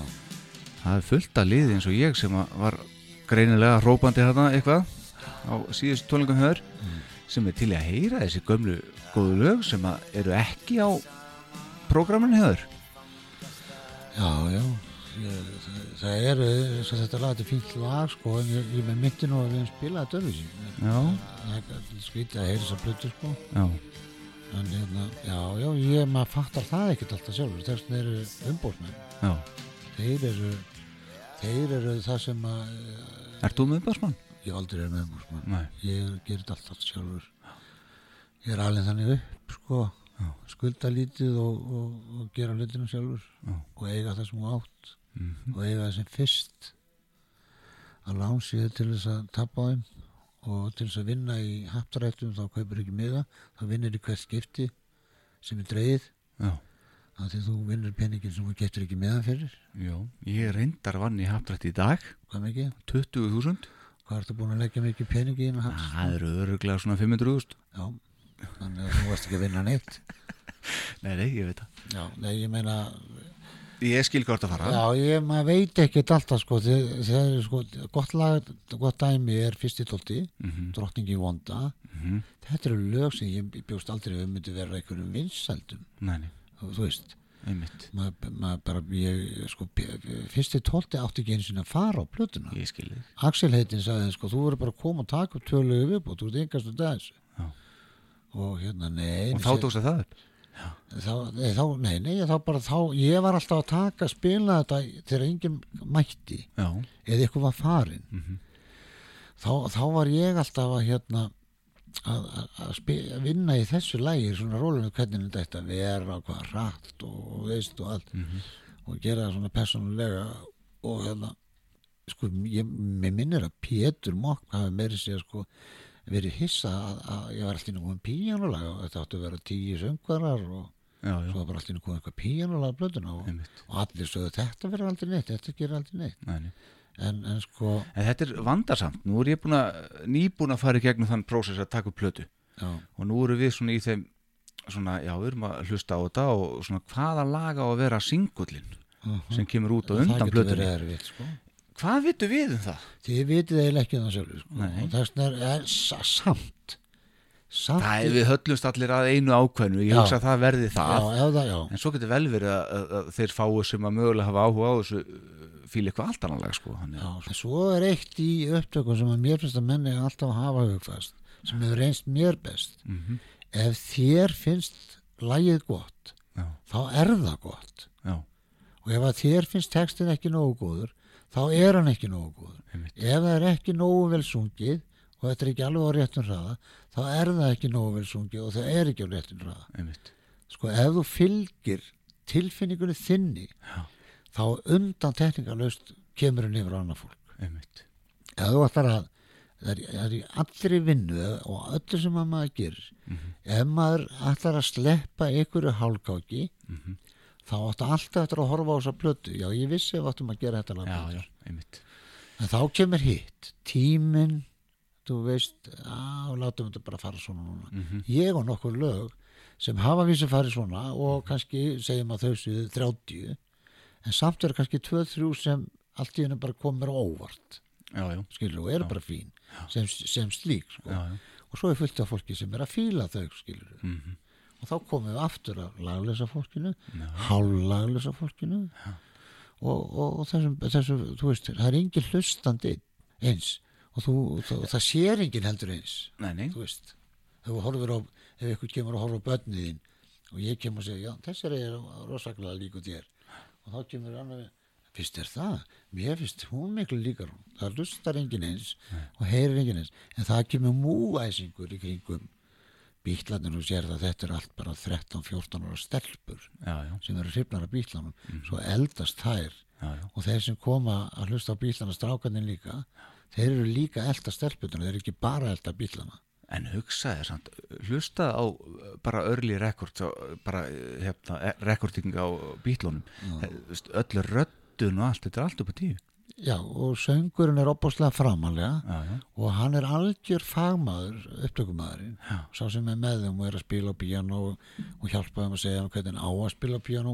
Paul McCartney kemur með pianoleikin frá pappa sínum, pappas var pianoleikari, en þeir höfðu samt vit á því að vera töffarar. Já, já, og Lennon sá nú mest um þáttild.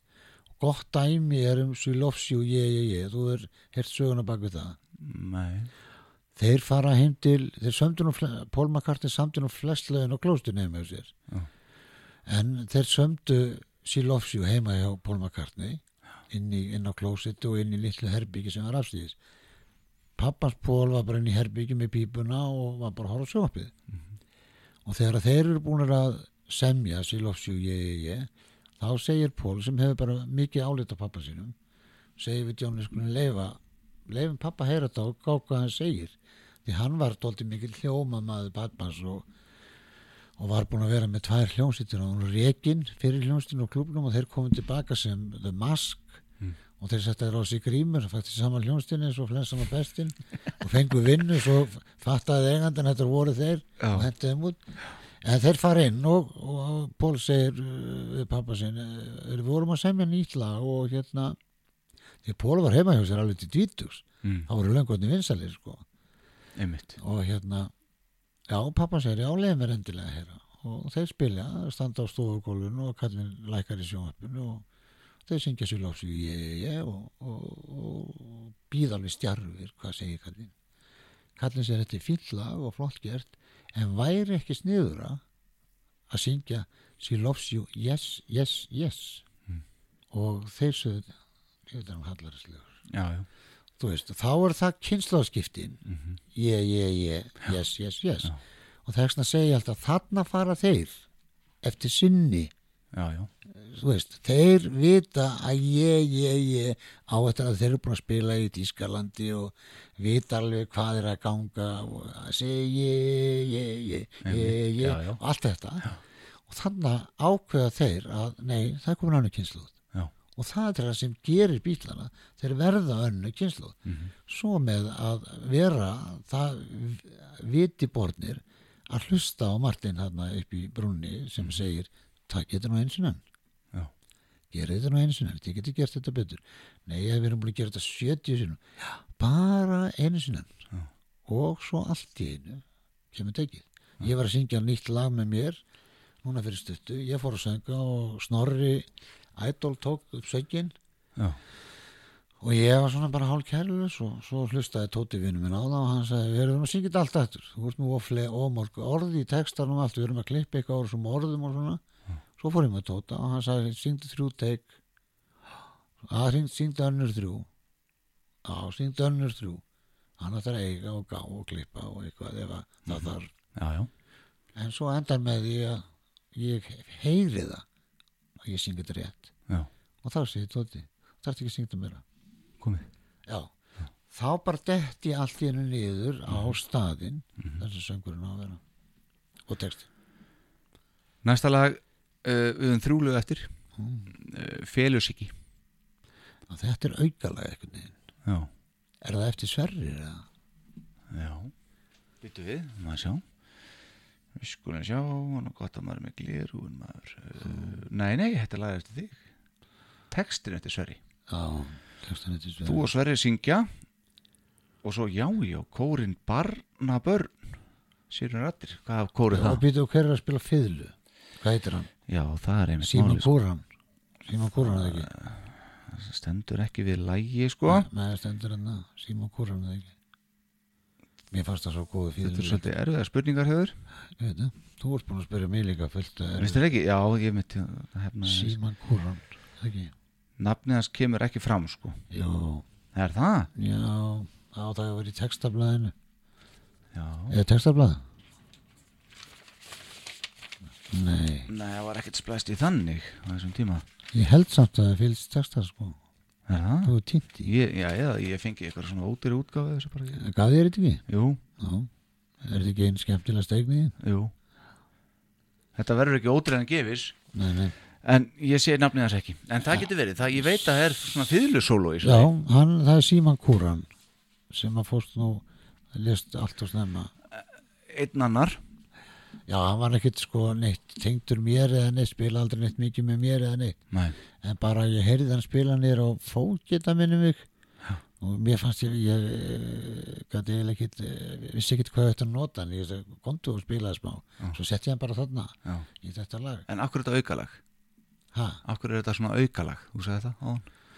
Já, bara, það vantaði, ég var að segja það Já, já, já, ok, já, þetta er eitt af þeim, Þetta er eftir bara lag sem ég sandi fram á gangi, mér bara, finnst hérna því ég hlusta á þetta lag og sérstaklega því ég undirbúna þátt og var að hlusta á þetta hlusta á þetta lag, þá finnst mér sko í viðlæginu já, þá finnst mér þetta svona virka eins og þetta geti verið svona gamalt jólalag.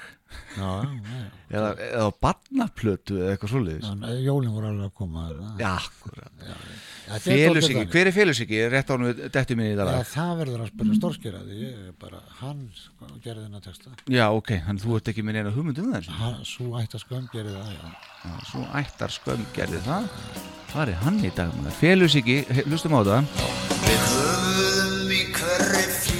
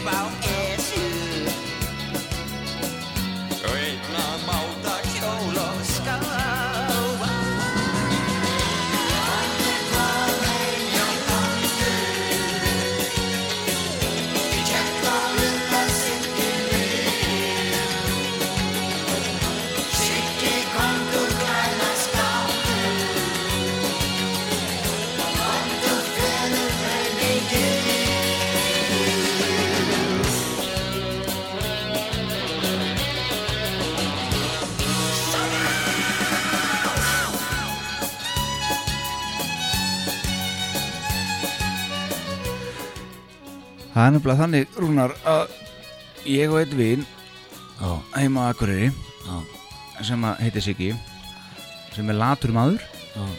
Hann er alltaf kallað nennu-Siggi Já, já, það svona ég var alltaf að spáði hvort að félusíki væri eitthvað svona en ég finn ekkit orð út úr þessu Já, ég, sko, þetta er alltaf sverfi, sko, hann Þetta er ekkit aflegt lag, sá Nei, þetta er alltaf lægi bara, þetta getur verið eins, sko Nei. En ég skil ekki hver er að syngja þarna og Eitthvað barnakór þarna, hvað, hvað sagði? þetta er Axel, Axel hefur valið þetta, sko Já, þess, kórin barnabörn, þetta er pottet eitthvað samansett, eitthvað, það er engin kór sem hétt þetta, þetta er eitthvað svona sem að Axel hefur sennilega, já, sett saman. Svo fengum við hérna á, til dæmis á, á plötunni hérna Frostöðum, sko, það var kór sem syngdi það, söng það og þar söng e Emilia Dorini fyrsta skiptinu plötu, það var hjá mér Já, það? ég með þess að skrifa nafni, það var ekki alveg rétt eða neitt Emilia Dorini skrifaði eitthvað svo leið, sko Já.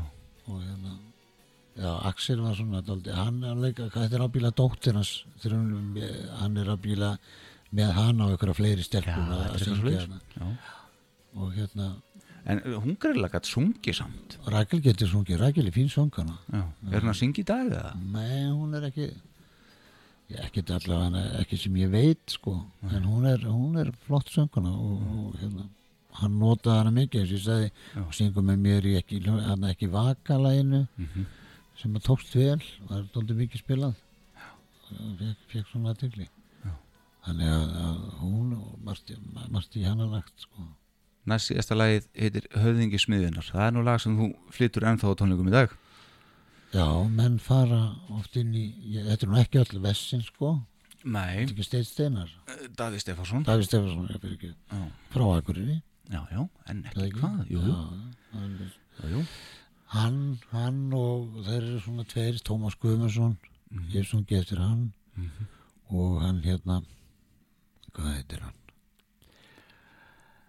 uh, hinn einu og sanni Steinn Steinars Já. ég sungið tvö, þrjú ljóð eftir hann Mm höfðingismiðjunar og Nei, það er Daví Stefánsson. Það Það, það, er næsta lag. já, ha, já, nei, það var annar lag sem ég ætlaði að segja sem að sem, sem getur eitthvað Steinn Steinar Já, hvað var það? Æ, ég nefn ekki að pæla svona. Það verðum að taka fleiri blöður. Já, já, tökum þetta í næstu blötu Já, hún er ekki næsta, næsta blöða eftir er tryggð. Já, já, já, já En þarna syngur Egil Ólafsson með þér og Egil hefur nú gefið þetta út sjálfur held ég Nei, ekki þetta lag.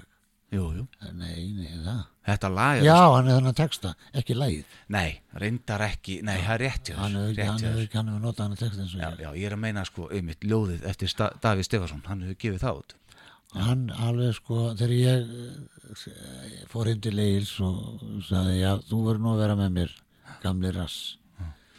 Var stærri blötu. Hann er með þér í rössum Já, og við erum náttúrulega eigið kynntust um 1969 og verðum strax góði vinnir og alltaf verið mjög góði vinnir. Og þótt á þessu tímabili átt eða nýja ára sem ég drækt alltaf mikið þá skipti það aldrei neinu máli alltaf helt í þessum vina, góða vinahóp sem ég á og hérna sem betur fyrir endaði ekki eins og, eins og eitt sagði alltaf þú vorst eins og Brian Jones sko. Þú bara deyrð bara 27-8 ára og held svona ég sagði ég veit alveg hvernig ég hætti sko. þetta er bara rólis ég er að klára þetta bara en ég var ég fór til eigin Var heil hugsunum baku það? já, já, Já, og ég, ég maður þegar við spiliðum í húsafelli þá sagði Reyni Theodors hann er frá Akranessi hann var gítarleikar og kom vestur og var svakalega betri við fannst okkur sko. Svakalega betri þig já, Já, ég sagði við ráðum þennan og strax það var bara minna að gera hjá mér. Já. Og hann sagði sko við vorum búin að ára í hljómsið séð Blackbird og, og spiliðum hann í húsafelli. Þá sagðist hann hafa sagt í mig sko einu ári og eftir eitthvað þá var ég byrjað að drekka hans meira. Þá ég verið hann 17 ára. Og hérna var eitthvað svona kaldari verið að drekka þú veist, byrjað miðan dag mér alveg sama sko. Þá var svona, hvað ætlað þú að vera eiginlega rúnar? Þú bara, við erum að fara að vinna hérna ná okkur í aukavinn og kaupa okkur íbúð og svona ég sagði ég býnum að pappa mömmu svona verið að minna bara hérna, pappa mömmu, við erum fínt herbyggi og góða einbýlinsúsi já, neymiðin allar ekki að fara þá reynir, guðmjössvinnur okkar trúlóðaður og, og menn voru svona að læra bifilega virkjun og, það er ekki að fara að festa ráðið já, já, svoleiðis, nákvæmlega svoleiðis. Og ég var líka búin að eignast eitt, eitt bad sko. Allir mári, já trommuleikari Helga og hljóðfærleikarun Já, og reynum sveinum og, og, og margt annað. Hann stendur aldrei til því náttúrulega Nei, ekki lengur. Nei. Og hérna, en þá saði hann að ég hef sagt mjög skýrt, ég ætla að vera róni. Það er ábyggilega að létast að vinna sem þetta er að vera. Tókstu það? En svo bara skemmtilega við það, svo að við hefum ekkert verið mikið að spjalla saman í og reyni í gegnum tíðina, býrðu på Akranessi, alveg frábær gæði. Svo fyrir ég í bankan fyrir eitthvað svona 6 árum síðan, 5-6 árum síðan og ég er að gera eitthvað fyrir pappa manni, ná í eitthvað yfirlit eða eitthvað Mhm. og hann akveriði með gæin og, segi, og ég segi, já, hvað heitir þú vinnur? Ég heitir Rúna Þór Nú, sama ég, já Þú þekki pappa mig, sagði hann Nú, hver er það? Reynin Theodors, ég var með þér í Blackbird Mhm. hafa með á reyna að þú myndir að fyrir þrítugt en hún þótti svo væntu þig hann skýrði mig Rúna Þór svona til þess að hafa það allavega hana einn auka. Það veit hjá sér? Já, einn svona auka og, og sem sagt, svona reynir sem skýrir í höfuð á mér. Já. En þú fórst heim til, að ég hátti hjá okkur fór aðeins með þetta. Þú fórst heim til, heim til Egils já, út af höfðinga smiðunar og ég lefa hann á hlusta lagið. Já. og hann segir bara þetta á enginn að syngja nema þú. Ok, og ég skal gera eins og við gerðum oft á núpið þegar við vorum að búa til svona eins og menn notuð orgel og fiðlur og svona en ég skal koma og ekkert mála þá syngi eitthvað annar lag eða eitthvað. En ég skal gera svona fínan svona skí, skíja gljúpa bakvið svona ok. sem kannski stækkar lagið. Og svo fórum við bara spjallum heim og geima og svo kemur hann bara í stúdíu og gerir þetta eins og, eins og hún er með ein lag, einu lagið Lárusson Ef þú hlusta á það? Já, þetta er, þetta er um, uh, þetta, þetta, þetta, er lítið góða texti. Gítararni mínir er ágættir finnst mér. Já Heyrum þetta Hann stingust á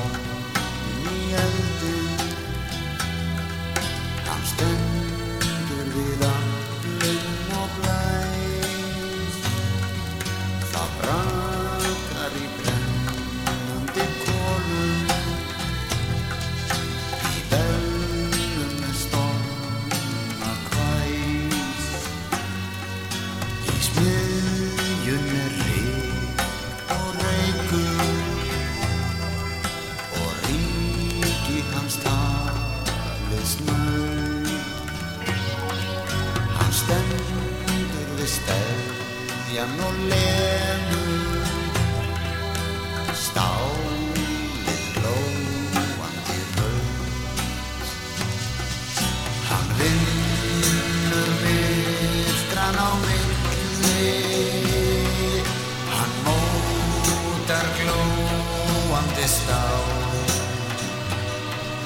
Það lítur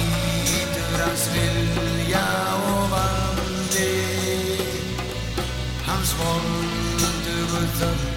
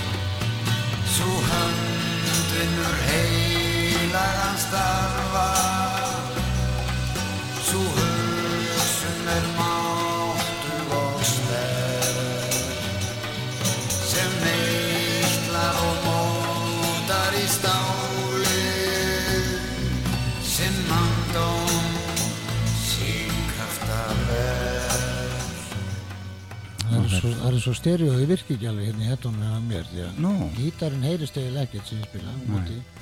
Ég þóri að veðja að þetta sé ekki beint í stereo sko, sem ég er að spila þarna sko. Nei, Þetta er meira bara svona mono. Já. og harmonika, ég spila þarna harmoniku Já, hún kemur sko, hún er öðru megin og gítarinn er hinni megin þar sem ég er að svara. Já, Stengri við Guðmund sem er á, er á trómbirnar Mhm. og hristurnar og þetta dót sem hann spilaði sko. Já, og ég heyri það að það kemur ekki alveg fram það sem að, Nei. og gítararnir mínu kom ekki alveg fram En rammaskítar þú getur huggað við það að eh, hérna, fólkið, laglösa fólkið fattar ekki neitt.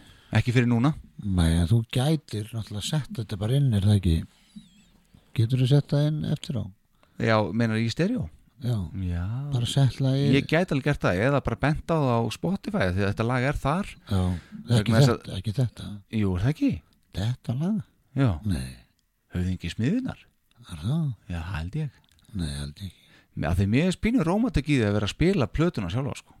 já, já, ég er alveg saman á því. En, en, en ef það fer ekki út eins og það er, en svona maður tók, tók vel eftir því þarna sko, ég tók ekkert eftir því fyrsta tólta til dæmis. Nei, nei, nei, ekki eftir í hjarta slæðir heldur eins og mikið sko. Mhm. nema kassagítarinn kannski heyrðist ekki alveg. Nei. en það breytir svo sem engu. Fólk bara eins og þú segir eða vil hlusta á þá bara fyrsti tólti er á Spotify og, en, en fólk er samt að heyra þetta í sam, samhengi. Já, ef þú ég, getur það. já, ég bara ítreka það bara fá þessa plötu inn á Spotify. Ég ætla að hjálpa við það, ég veit það. Við bara við fáum þetta inn. Síðasta lega plötun heiti Stundarfríður. Já. Ég, man svona ekki, ég man ekki hvort að það var aukalagi eða félus ekki. Já, þetta er svona Rúnars rockslagari. Finnst þér það? já, er það ekki? ég veit það ekki Þetta, jú, ég minn, þetta Já. hefði alveg getið verið á draumar í Abirót, þess vegna. Já, ég var bara að finna nýjan hljó hana, á gítarinn. Já, sandi laga út, út frá honum. Þetta er Magnús Þór vinnu minn. Já Við- Sigmundsson. Já, Vi, við stofnum hljómsveit saman, og Magnús Þór. Já, tókum upp heila plötu. Já, trommusóla með Stengrimi sem var uh, korter. Mm. Örn Jónsson og Bassa og ég og Magnús Þór lagahöfundar og, og hérna og allt það. Já. En er eitthvað að ringi þig? það er alltaf að ringja nú er Þóri Rúlason píjónuleikara ringið mig. Já, við verðum ekki að svara honum með það. Nei, nei, mínu þætti þá leifi ég fólk að svara ef vildi það fyrr. Já, þú mátt svara þú vilt, sko. Það er svolítið gaman að þér þetta. já. Hvað er að skeið? ég er í smá viðtali hérna. Hjá honum Alla Herges ég ringi eittir fyrir tímyndur hann og Steppi Hilmar þegar nú vilja að fara í biljart Er það svoleiðis? Já, biljart er svona tvö- Spilar bara biljart með steppa og er búin að stela þér meðlum í bandinu og... Já, steppi flottum Já. maður Steppi er alveg frábær og Þórir píjónuleikari og, Já, og fullt Addi 800 sem er í hljófarhúsinu og við erum hérna í biljardi þeir eru með og svo allt er að vantar auka maður vantar alltaf auka með og þá fer ég og svo fyrir við í FIFA þegar það er búið ég Já. og, ég og hérna Þórir Ertu hættur í bumbubólta eða? Já, ég eða hann nýjan Já, þú var svolítið að fá, reyna að fá mig í það. Ég mætti, hvað, einn eða tvo tíma með þér? Já, Þórir ekki meir. Nei, af því að þú var svolítið í skónum að Sarons Já, Arons Gunn. Já, Það er skemmtilega við það að ég og Aron Gun- Aron Gunnarsson við erum að tala um fyrirliða Íslenska landslýsins já, já, hann er hálfbróður svona míns. Já, já. þegar Aron var 14 ára held ég þegar ég fór norður að spila Mhm. Þá fórum við oft upp í þú ert tósarið ekki? Jú, það er svo, ekki spyrja svona. Nei, nei, ég segir Var það þar sem þú spilaði með okkur eða? Nei, hérna upp í FO Já. Ok, svo förum við upp í förum við í fótbolt eins og stundum ég, Addi, bróður þeirra og Aron og Alli og ég og einhverju tveir, þrýr aðrir. Mhm. og við erum í samanliði á Aron. Og það eru fjórir og fjóri minni mig. Mm. við spilum sikur megin, ég er hægra megin og, og Aron hinn Já. og svo eru þeir alltaf aftalega allir í markinu náttúrulega og spilur hann. En það er merkilega við að það kemur sending upp miður völlin Aron kemur hlaupandi að boltanum og ég kemur hlaupandi að boltanum og mínum yngri árun og við spörkum báðir í boltan á nákvæmlega sama tíma. Mhm. sláininn Já, þannig að við Aron höfum skorað sama, sama mark. markið. Það er ekki algengt já Og sonuðin varði það ekki. Og Nei, bróður hann var í okkar liði sko. Já, þetta var hinn minn. Addi átt að verja þetta. Já, já, já, en Addi náttúrulega gæti ekkert varið svona sko. Það já við Káa ein- maður. Nei, Addi nei, Addi bróður hans alla Já, Addi, já, já, já, já. og veist að hann byrjaði sem markmaður. Já, já, já, já. Og hann er náttúrulega í handbóltanum út í Þýskalandi og Já, já. þetta er allt alveg en ég vil Þetta er meina alveg kallar já, Gunni náttúrulega frá, var frábært pappið þeirra sko Já, já. en ég náttúrulega pappa Salla Já, og auðvitað vil ég bæta mér hans í þetta og segja allir kendi þeim fótbolta já Þótt að Eða þó að mamma er bara svona góð til undan, undanældis í, í, hvað var það íþróttamenn? Jóna er náttúrulega Kannski snýst þetta ekkert um þig og Gunnar, sko. Jú, ég held að þetta snúist um okkur en Jóna hefur, Jóna hefur sko útsjónasemina sko. Hún sér vel yfir völlin og, og hefur náttúrulega en þessir strá Góðu þjálfari. já, en Aron náttúrulega er svona góður að því hann hefði bara meirinn allir aðrir og er Já, góður já. karakter og er hraustur og kaldur og ákveðin og, og ófeimin og, Já. og við heimsóttum alltaf þegar hann tók stóra leiki þá bauði hann mér og alla út og við fórum út þegar hann lenda á móti þegar hann var í Coventry þá lenda hann á móti Chelsea byggar út úrslitaleik Mhm. þá fórum við og, og hérna og fórum á Liverpool-leik áður. Já. og ég flýg þangað upp yfir nei ég flýg til á Heathrow. Og vinur minn sem býr í Challisworth hann skuttla mér upp í Liverpool. Fjóra-fimm tíma að keira Já, og þeir ætla að koma daginn eftir. Aron og Alli og svo er sagan svo og ég fer að legg mig þarna hóteli á, á Anfield Road 184 sem bara held í stutt lappi yfir á vellin, ég er bara svona 5 minútur að lappa á vellin en þeir koma keirandi frá Coventry og hann á að fara að spila sko úrslitaleik á móti Chelsea daginn eftir á, á hérna Wembley gamla. Já. og hérna og ég er ekki með hana þeir eru með með hana. Og ég byrja að heyra Never Walk Alone og ég kemst ekki inn og það er allir færðir inn. Og ég sé þá ekki.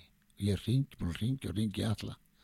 Ekkert svar. og ég hleyp ringin í kringu leikvangin og ekki neitt sé ég ekki þá standandi getandi pulsu og eitthvað pulsuvagn bara tveir, allir færðir inn. Og ég sé hvað er að para alltaf eðalega geta finnum ég nú ég gæti ekki upplifað að nefa voku lón eða neitt, ég er búin að eðalega geta og svo sátum við Söndiland megin Já. og þessu vilsingar. Og hérna svo skorar Liverpool hinum megin og ég stekk upp og, og klappa. Aron alltaf rýfur í mig við erum Söndiland megin Já. Og hérna ætlar að láta að drepa okkur hérna eða eitthvað?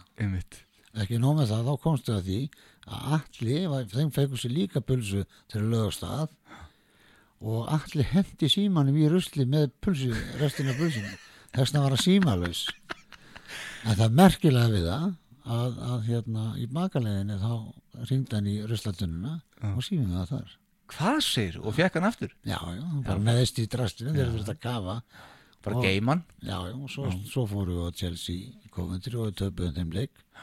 Síðan bauðan okkur, bauðan okkur aftur þegar hann lenda á móti Liverpool í, í úrslitum í byggar í úrslitum í, í hérna í byggarkefni á Mhm. enska byggarnum á nýja meðblei Já. og ég var 27, nei ég var 17. hæð. Já, og maður bara sér ekki neitt, þetta er svo langt í börtu ég skil ekki hvað þetta menn enn á þá leiki. Nei, þetta er svakalega hátt en, en ótrúlegt ótrúlegt á þeim leik. Þeir stóðu sem nú vel þá var hann komin í, í hérna setna liðið. Cardiff. Já, en það ó, ó, ó, ótrúlega við það sko hvað stóði í þeim og, og, hérna, og líka hitt hvað maður var fljótur að komast inn á völlin og út af völlin Já, já. Við- ger, gerist á 0-9 bara. Já, miðað við lögatarsvöllin sko. Já, ég veit það. Einmitt, Það bara- nákvæmlega. það er bara við liftu, það voru liftur og þarna og þarna og jú, þarna og Já. maður er bara komin á sinn stað bara eittur og þrýs Stundafriður Þetta er síðasta lega plötunni og þegar það er búið þá ætlum ég aðeins að fara örstuð þetta er orðið lengst í þáttu sem ég gert þannig að það er þrjú tímar en, en, en það er alltaf læg, nei við klippum ekki neitt. Þeir sem er að hlusta, þeir nenn að hlusta. Ok. þeir sem nenn ekki að hlusta, þeir eru ekki að hlusta þannig að það er ná kosturum við podcast. Það er Magnús Tór með mér, Sigmarsson við erum minna þess að vera að tala um þessar plötu sem við gerðum, sem við týndum. Hún er týnd, Já, þú komst ekki inn á það held ég. Hún, hún týndist, já hún týndist og hver tók hann upp? tók hann upp stú, í stúdíu og þannig rétti á Sundal Reykjavíkur og þar, það eru með stúdíu þar í bílskur Já, strákar úr Bólungavík og Heppi tók þóldi mikið upp þarna og, Ok. og Fimboi átti heima þarna bassaleikar í Já. Og við vorum að okkur fannst svo mikið gummisánd í einhvern veginn en, en þetta var stórmerkir í plata Magnús, Magnús Þór gerði glæsilegt lagana sem heitir Hotel Herbyggi og ég var, við týndum þessu við erum ekki hvað þetta. Er Ok, spólutan er ekstra en við eigum stundafrið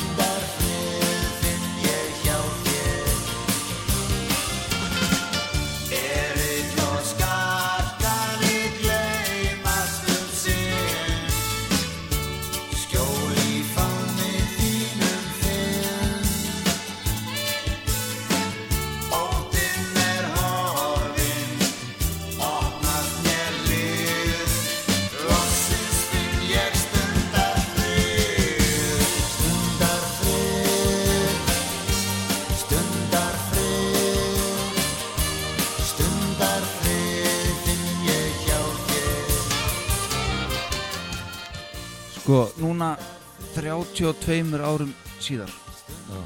Hvernig finnst þér þetta allt saman að hafa elst? mér finnst þetta bara, mér fínt sko.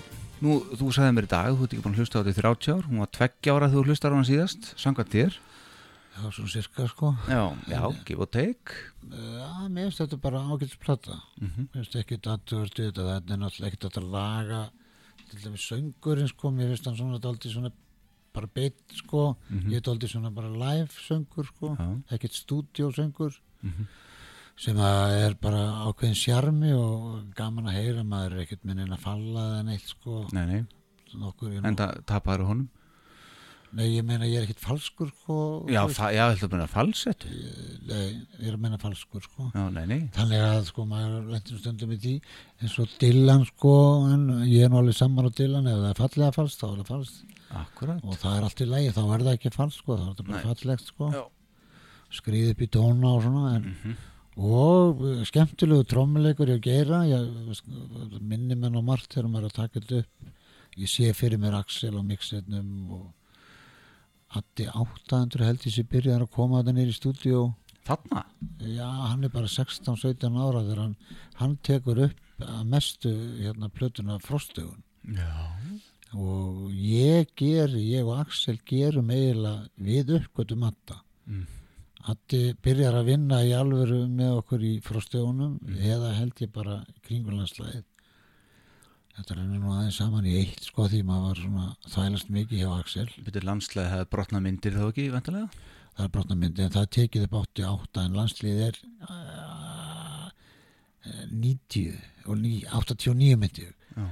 og tek þá ger ég samning við skífuna Mhm. fer frá Axel Axel náttúrulega Já, já.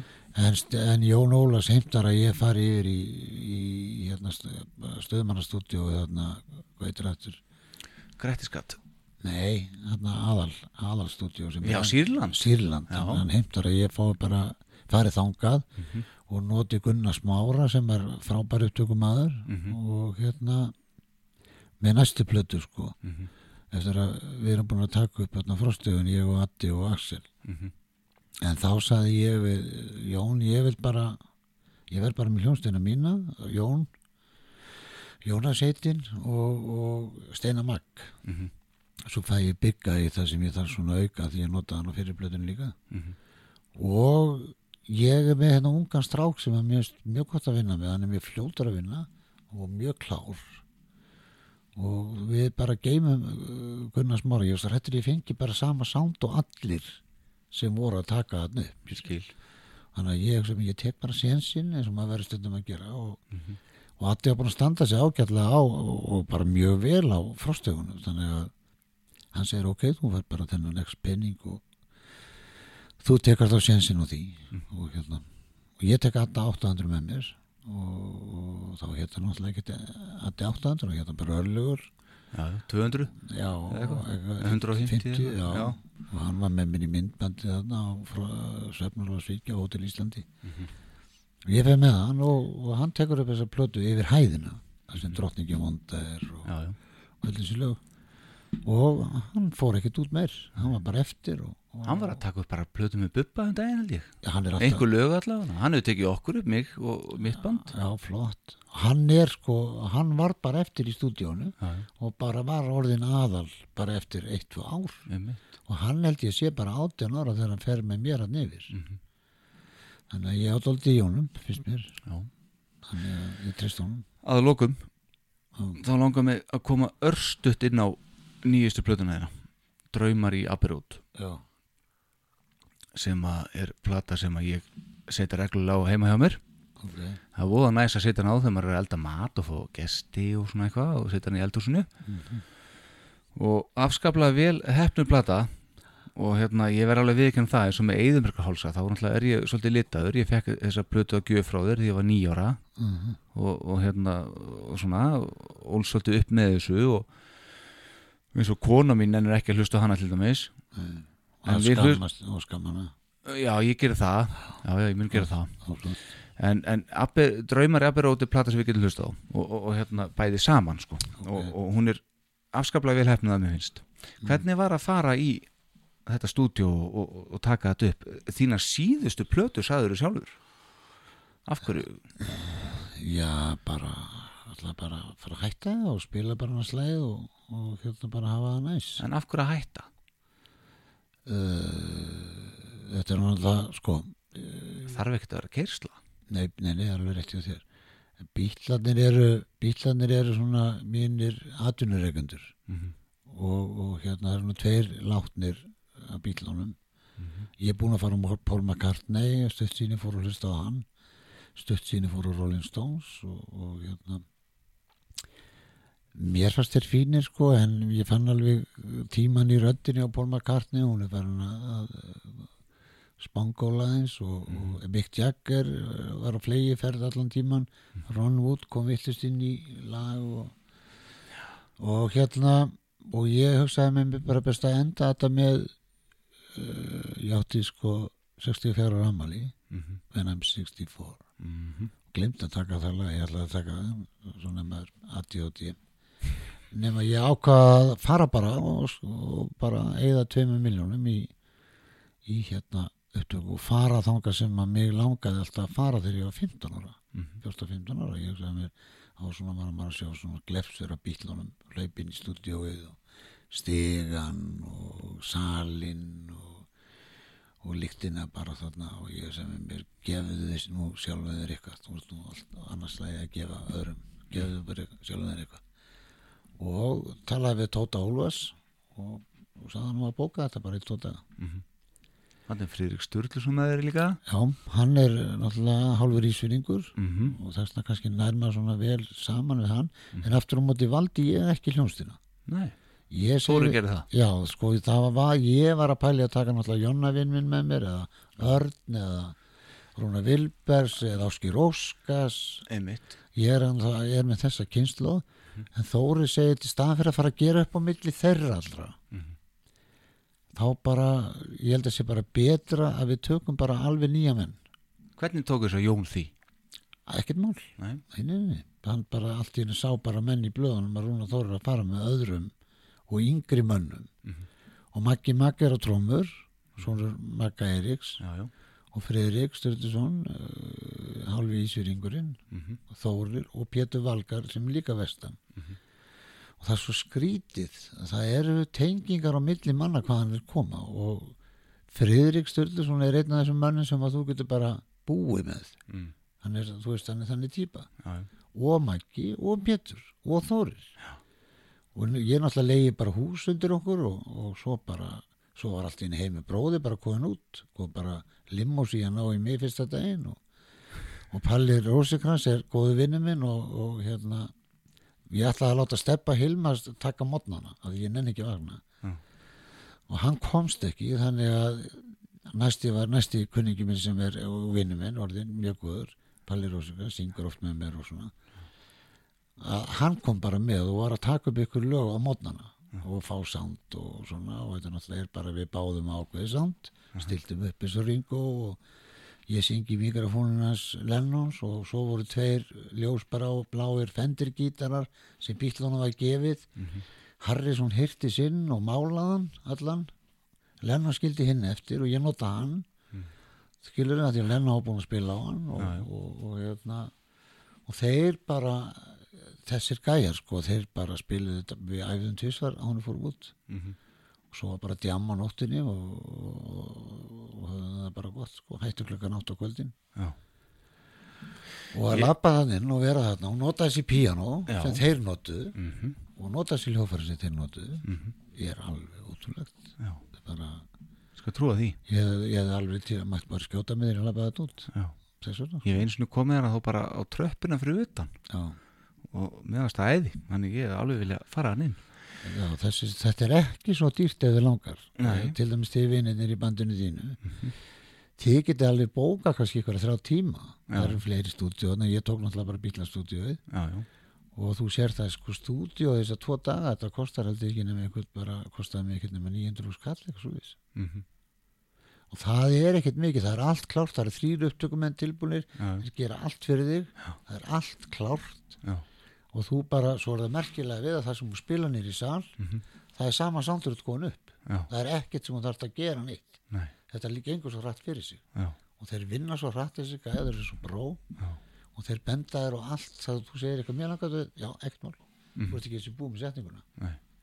þetta náttúrulega hafa verið Floyd og, Já, já, auðvitað. og ég held að ég verið nú með 20.000 og eitthvað hana Já, já, og sá sem um pantaði tíma og eftir með var gítarleikarinn í Pink Floyd. Þannig að það er gaman og Paul McCartney var nýbúin að vera á undan. Já, þannig að maður er komin á milli er þarna. Þannig draumurinn er spáði þetta. Já. Þar kemur nafnið Draumar í Abirót Sko, ég sá fyrir mér fyrir þáttin ég ætla að spila svona tvö lög að sér plötu. Af því að, veist mjög góðana e, svo ég þrengi þetta nýri í tvö lög þá var það lag sem heitir Það var hér, það er fyrsta lagið. Já. og svo lag sem heitir Buski. Já. Nú erum við búin að spjalla saman í þrjá tíma sem eru bara heimsmet. Nei, nei, ekki heimsmet. Bara tímanum var vel varið. Við eigum þetta þá. Já, við eigum þessa heimild. Uh, Mann, ég ætla að lefa þér að velja. Hvort á ég að spila, það var hér eða buska? Ég sko, það var hér er texti sem ég gerði um þessa ferð að ég sé að fara. Hér er ég á þinn stað sem ég óskaði mér að. Já, og gerði text kemur aðeins inn á hegi, ræturna líka, Ísafjörður og þetta. Já. já, og síðan allaði heimir ekkert að semja henni texta, hann var hættur en Mhm. hann semur að vísi eitt texta þarna. Og svo fór hann að blanda sér í þennan texta það var hér. Og hann á hluta í þessum texta líka þannig að við erum báði skrifaði fyrir honum. Ok. Og þetta lag samt ég bara eins og ég segi bara þakka bílunum fyrir og, og ég sé loksins komin á þeirra slóðir og þetta er svona bara þakkar bara það ég er að þakka þeim fyrir að vera atvinnureikundur og hafa skaffað mér æmistar Já. og ég heldur sem bara að ákveða það hér og nú að við ætlum að spila það var hér já, og ég hvet fólk til þess að kynna sér þessa plötu þeir sem hafa ekki gert það, draumaræpur út og jafnframt hvet ég þig Mm. til að skella draumum á vínil já ég, það er pæling sko.